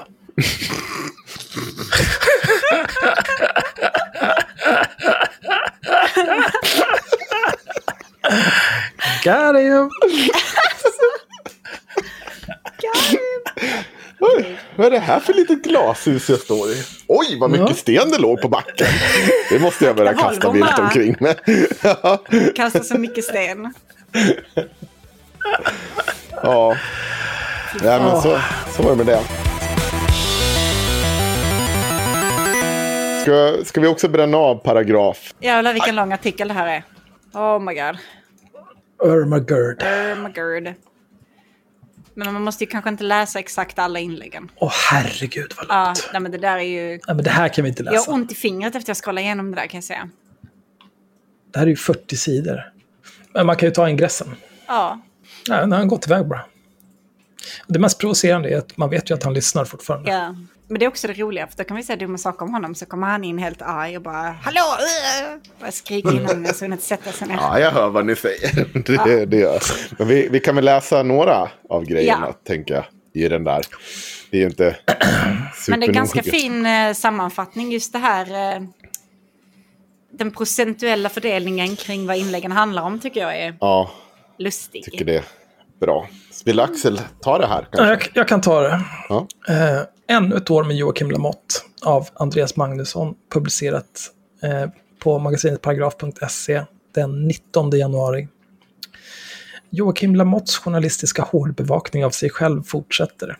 Under 2020 hann han med att skriva 59 inlägg om sig själv, vilket utgjorde 73 procent av den samlade verksamheten. Han gjorde under året fem inlägg om familjens hund och tre korta telefonintervjuer. Det blev inget live-reportage, men ganska mycket tyckande om diverse saker från datorskrivbordet till Lindom. Allting på tryckt avstånd från det han själv kallar verkligheten. Här å andra sidan, det är ju the Rona. Ja, men det finns ett stort men. eh, För att han har jämfört det här med året innan. Så att vi fortsätter. Joakim Lamotte är med sina drygt 200 000 följare en av de största svenska makthavarna på Facebook. Så sjukt. Hur? Åh. I Mediebarometer för 2020 rankades han som den fjärde största makthavaren, större än samtliga politiska partier, inklusive Sverigedemokraterna. Han har tjänat stora pengar på att framställa sig som en oberoende journalist som gör modiga reportage från en tuff verklighet och vågar säga sanningen. Under 2020 gjorde han inga reportage alls från olika platser i landet, men intäkterna kommer in ändå i form av stora Swish-donationer. Det räcker att följarna swishar 10 kronor var under ett år för att Lamotte ska få in 2 miljoner. Det är fan, eh, det är helt okej. T- Två mille, det räcker till eh, två heltidslöner och lite utdelning. Det är inga konstigheter. Eh, Så vad gjorde han istället för att göra reportage? Ja, mestadels skrev han om sig själv. Den enda plattform Lamotte använde för det han själv kallar journalistik Facebook. Under 2020 hann det bli 81 inlägg, vilket är en kraftig minskning från 2019 då han gjorde 164 inlägg. 73 av inläggen under 2020, 59 stycken, handlar helt eller delvis om honom själv och 51 procent av dessa, 41 stycken, handlar mer specifikt om att angripa människor som har kritiserat eller skojat med Joakim Lamotte. ja, det är precis vad vi gör. Ja. Så det, det kan jag inte ta ifrån honom. Eh, fast en markant skillnad är ju att eh, när vi eh, beter oss illa mot folk som har betett sig illa mot oss, då är vi ärliga med att det är blodshämnd. Vi, vi låtsas ju inte att det är liksom någon slags angrepp mot demokratin och att vi är det, det, liksom, den sista väktaren av det fria ordet. Gud Eller vad det något lät sånt. som så här, jävla förskolenivå. När vi är dumma mot folk som har varit dumma mot oss. Nej, men när vi är dumma mot folk som har varit dumma mot oss, då är det för att vi är småaktiga och hämndlystna. inte för att vi är giriga populister. Jo, ja. Ja, nu känner jag också att nu är vi på väg in i det där glashuset med både handgranater och AK5 känner jag. Men okej. Mm. Om man jämför med siffrorna för 2019 är det ingen stor skillnad. Det året handlade 70% av inläggen om honom själv och 57% handlade om att hänga ut eller kritisera människor för att de har kritiserat eller skojat med Joakim Lamotte. Alltså Om man de, de procenten är ändå så himla on point. Alltså det var ändå dubbelt så många inlägg 2019 och ändå så är Mm. procentsatserna detsamma. Det är nästan Ja. som man skulle kunna tro att det här är beräknat. Det, det, Är det en affärsidé? Systema, systematiskt. Ja, då väntar vi på att Johannes Nilsson skriver en artikel om det här. Då. Mm. Och Jacques Frick gråter ut hos SD Riks YouTube-kanal. Hemska Lamotte. Om man med journalistik menar reportage där någon har intervjuats eller där någon typ av information har sammanställts och inte bara delats vidare så gjorde Lamotte under 2020 tre eller fyra journalistiska insatser beroende på hur man räknar. Det är inte så mycket. De utgör alltså cirka 3% av Lamottes samlade produktion. Här kan man se en minskning från 2019 års nivå på 6,5 procent. Ja. Joakim Lamotte gjorde inte något live-reportage alls under 2020, förutom en kort selfiefilm från Trollhättan där ingen intervjuas. Han gjorde däremot ett inlägg om Kistas galleria där en person intervjuas kort över telefon. I ett inlägg har han också gjort ett filmat inslag där han ringer 113 13 för att ställa frågor om en hypotetisk covid-situation i den egna familjen. Om barnen borde gå till skolan trots att mamman eventuellt har covid-19. Båda dessa inslag bör rimligen benämnas som journalistik även om det är korta inslag. Det var generöst. I ett annat inlägg berättar han i en sex minuters mobiltelefonfilm om en hemlös 90-åring. Med god vilja skulle det inslaget kunna bedömas som någon sorts journalistik även om rapportering och egna värderingar varvas. Han gjorde också ett inlägg där han intervjuar och hänger ut en nämndeman som han tycker har varit med och fattat fel beslut vid en rättegång. Inlägget kan möjligen anses ha någon typ av journalistiskt anspråk med tanke på intervjun. Publiceringen får snarast bedömas som en uthängning gjord i affekt eftersom inga sakargument framförs kring varför domen är felaktig. Nej, hur ska han kunna bidra med det? Han är inte jurist. Ska vi fortsätta här eller?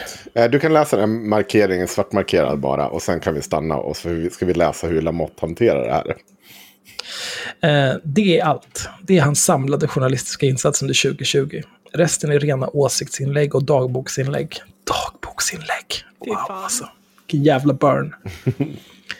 Lamotte utför nästan ingen traditionell journalistisk verksamhet alls. Det blir inga större intervjuer. Det blir inga reportage från fältet eller några större sammanställningar av information. Ja, jag gissar att han har gråtit ögonen ur sig över det här. Mm. det, säger det här är bra. Jag kan bara lägga till det. Däremot skriver han fl- i fl- han i flera inlägg att han skulle vilja ställa frågor till olika personer. Eller att han har försökt få tag på olika personer men inte lyckats. Nej, nej bra. Starkt.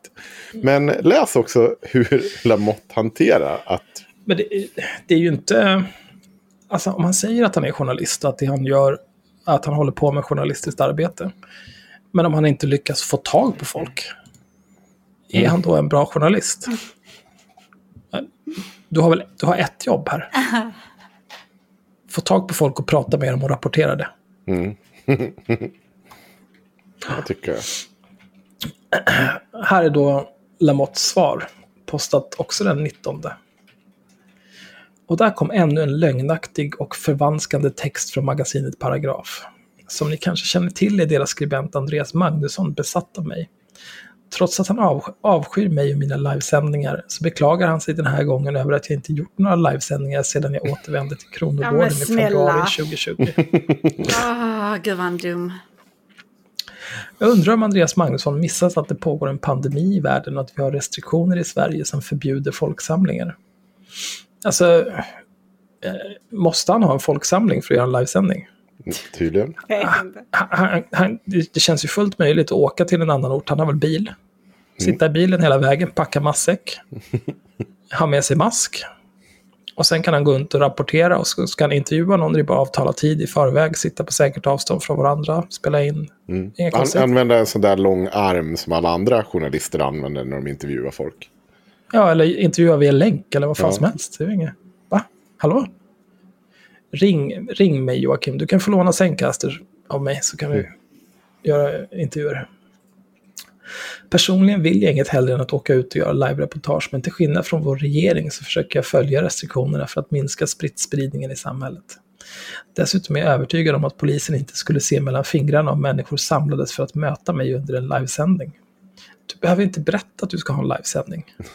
Nej, precis. Du behöver inte... Du, du kan bara säga så här, jag ska åka till en ort och göra en livesändning där den här tiden, så att folk vet att de ska titta.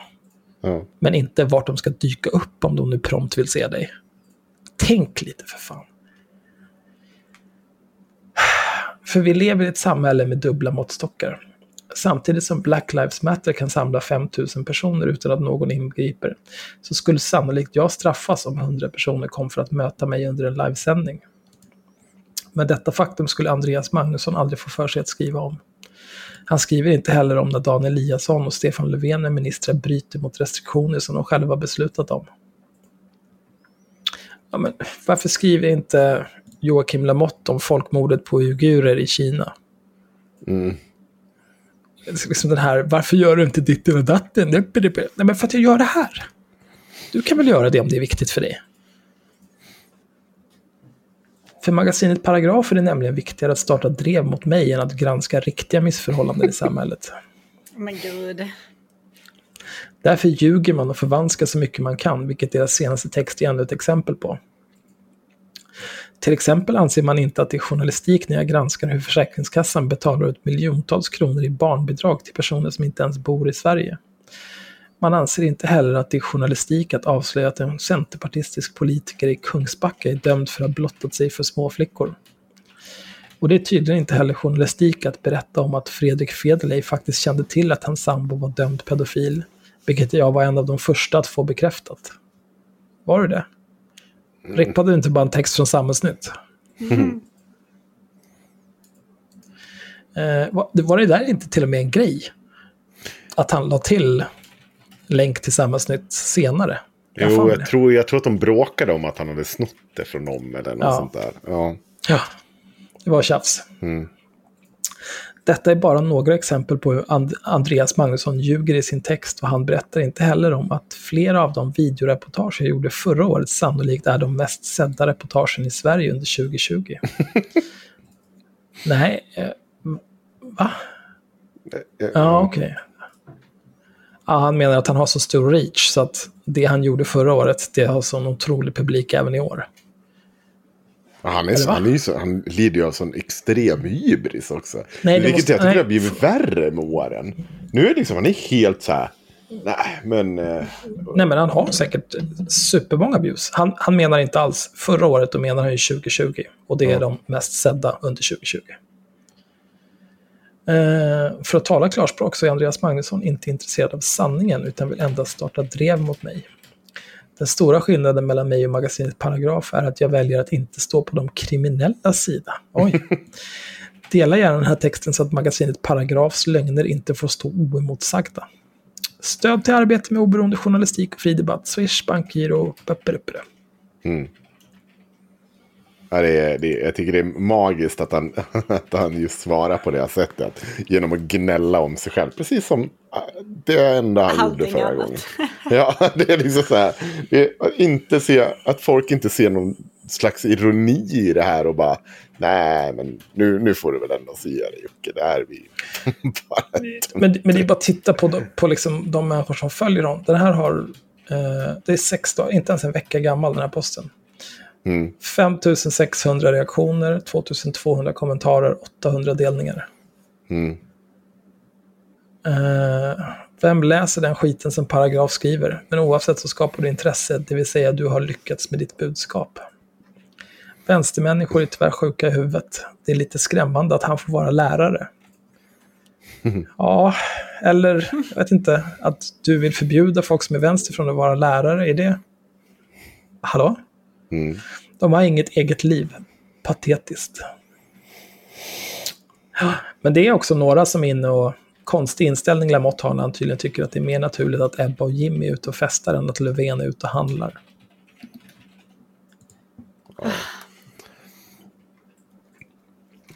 Oavsett, det roliga är att han sitter och gnäller över, än en gång, att någon har granskat honom. Så allt är fusk och allt är åt helvete. Men det är inte en granskning att sitta och läsa en annan persons artikel. Till exempel så, vi kan bara dra det eh, själva. Vi, eh, Estonia-fallet, vi lutar oss ju väldigt mycket på en annan liksom, journalistisk verksamhet. Vi har ju inte gjort den. Vi läser ju bara upp den. Det vi lägger till i egen journalistisk, av journalistiskt värde, det är ju att när vi har den här Estonia-grejen, det är ju att vi faktiskt pekar på hur eh, Henrik, eh, vad heter han, Lennartsson? Heter han? Evertsson. Evertsson. Evertsson liksom har gjort lite märkliga gilla-markeringar och sånt. Eh, och, ja, det må ju så vara. och så får man ju titta på det. Men jag skulle inte säga att den första delen är så mycket vi, utan det är ju paragraf.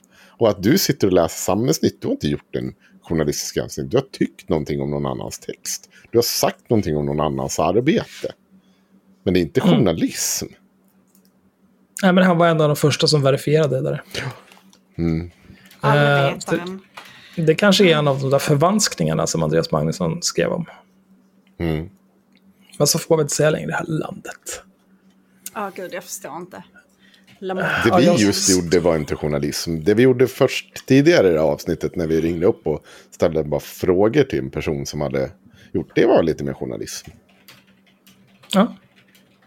Sen Ja, var, alltså, kan det eventuellt ha varit brott mot med när vi sitter och skriker om att den här jävla Stockholm ska ut ur mitt jävla domän. det, Nej, men alltså, mycket av det vi sysslar med är ju inte... Det är ju underhållning mer än något annat. ja. Det är ju så här... Uh, haveristerna reacts. Mm. Eh, Men å andra sidan, jag har inte Lamotts storhetsvansinne och det är inte viktigt för mig att någon ska tro att jag är journalist, för det tror jag inte själv att jag är. Så verkar onödigt. Eh, Men är vi klara för idag eller? Fan vad jag är det trött. kan väl alltså. vara om du känner för det. Eh, Men eh, nu pratar vi ju en, ändå lite om Evertsson. jaha. Den eh, rättegången drar igång idag. Ja.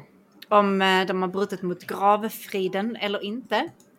Eh, efter första dagen i rättegången kom de fram till att han har dykt där. Eller de har gjort en dykning där. Det är vad de kommit fram till hittills. Men eh, det tycker jag ska bli kul att följa vad som händer med den. Om de blir dömda för det. Mm. Mm. Men eh, ja, kul. Jag såg att de, de hävdar väl att de inte har ju, de vill bli befriade för att de tycker inte att de har varit ner. De har väl bara De var på en robot. tysk båt så att Ja. de lyder alltså därför, tycker de, inte under eh, gravfridslagen som har alltså, skrivits under av Sverige och andra länder som ligger kring Östersjön. Eh, för Tyskland Ja. har inte skrivit under den. Så att om de var på en tysk båt tycker de att de inte lyder under den. Eh, Nu nämner vi, vi nämner ju inte så mycket det i Patreon-avsnittet. Om just den här, vi, vi tar ju upp gravfriden och tycker att det är sjukt att han är där och dräller. Men nu ska ju Sverige in och peta i det där ändå. Jag tror, jag står fast, jag tänker fan stå fast vid det vi har sagt. De kommer inte hitta ett skit och det kommer bara visa sig att Evertsson inte har gjort någon som helst upptäckt.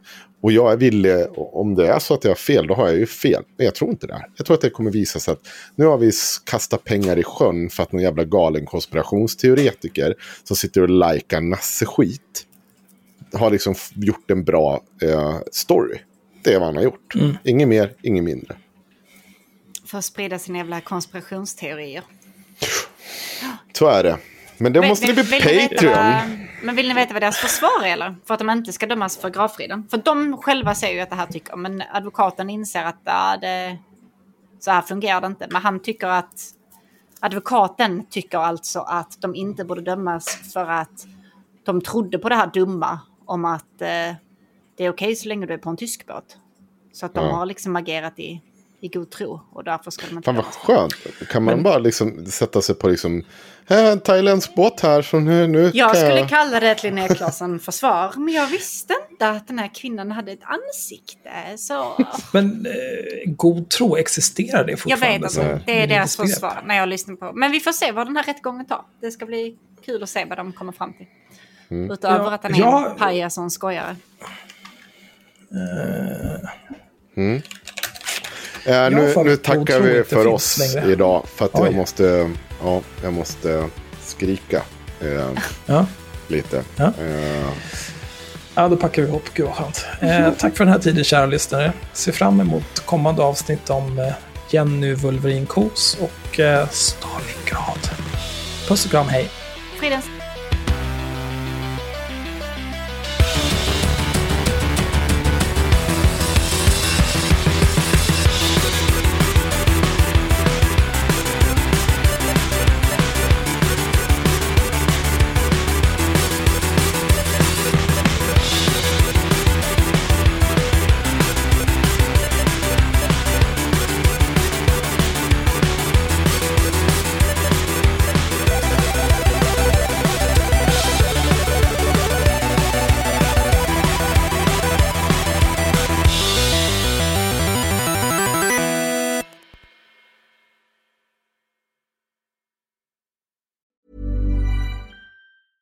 Ever catch yourself eating the same flavorless dinner three days in a row? Dreaming of something better? Well, HelloFresh is your guilt-free dream come true, baby. It's me, Kiki Palmer. Let's wake up those taste buds with hot, juicy pecan-crusted chicken or garlic butter shrimp scampi. Mm. Hello Fresh. Stop dreaming of all the delicious possibilities and dig in at HelloFresh.com. Let's get this dinner party started. Hey, it's Paige DeSorbo from Giggly Squad. High quality fashion without the price tag. Say hello to Quince. I'm snagging high-end essentials like cozy cashmere sweaters, sleek leather jackets, fine jewelry, and so much more. With Quince being 50 to 80% less than similar brands. And they partner with factories that prioritize safe, ethical, and responsible manufacturing. I love that. Luxury quality within reach. Go to quince.com slash style to get free shipping and 365 day returns on your next order. Quince.com slash style. Imagine the softest sheets you've ever felt. Now imagine them getting even softer over time. That's what you'll feel with Bowl and Branch's organic cotton sheets. In a recent customer survey, 96% replied that Bowl and Branch sheets get softer with every wash. Start getting your best night's sleep in these sheets that get softer and softer for years to come. Try their sheets with a 30-night guarantee. Plus, get 15% off your first order at bowlandbranch.com. Code BUTTERY. Exclusions apply. See site for details.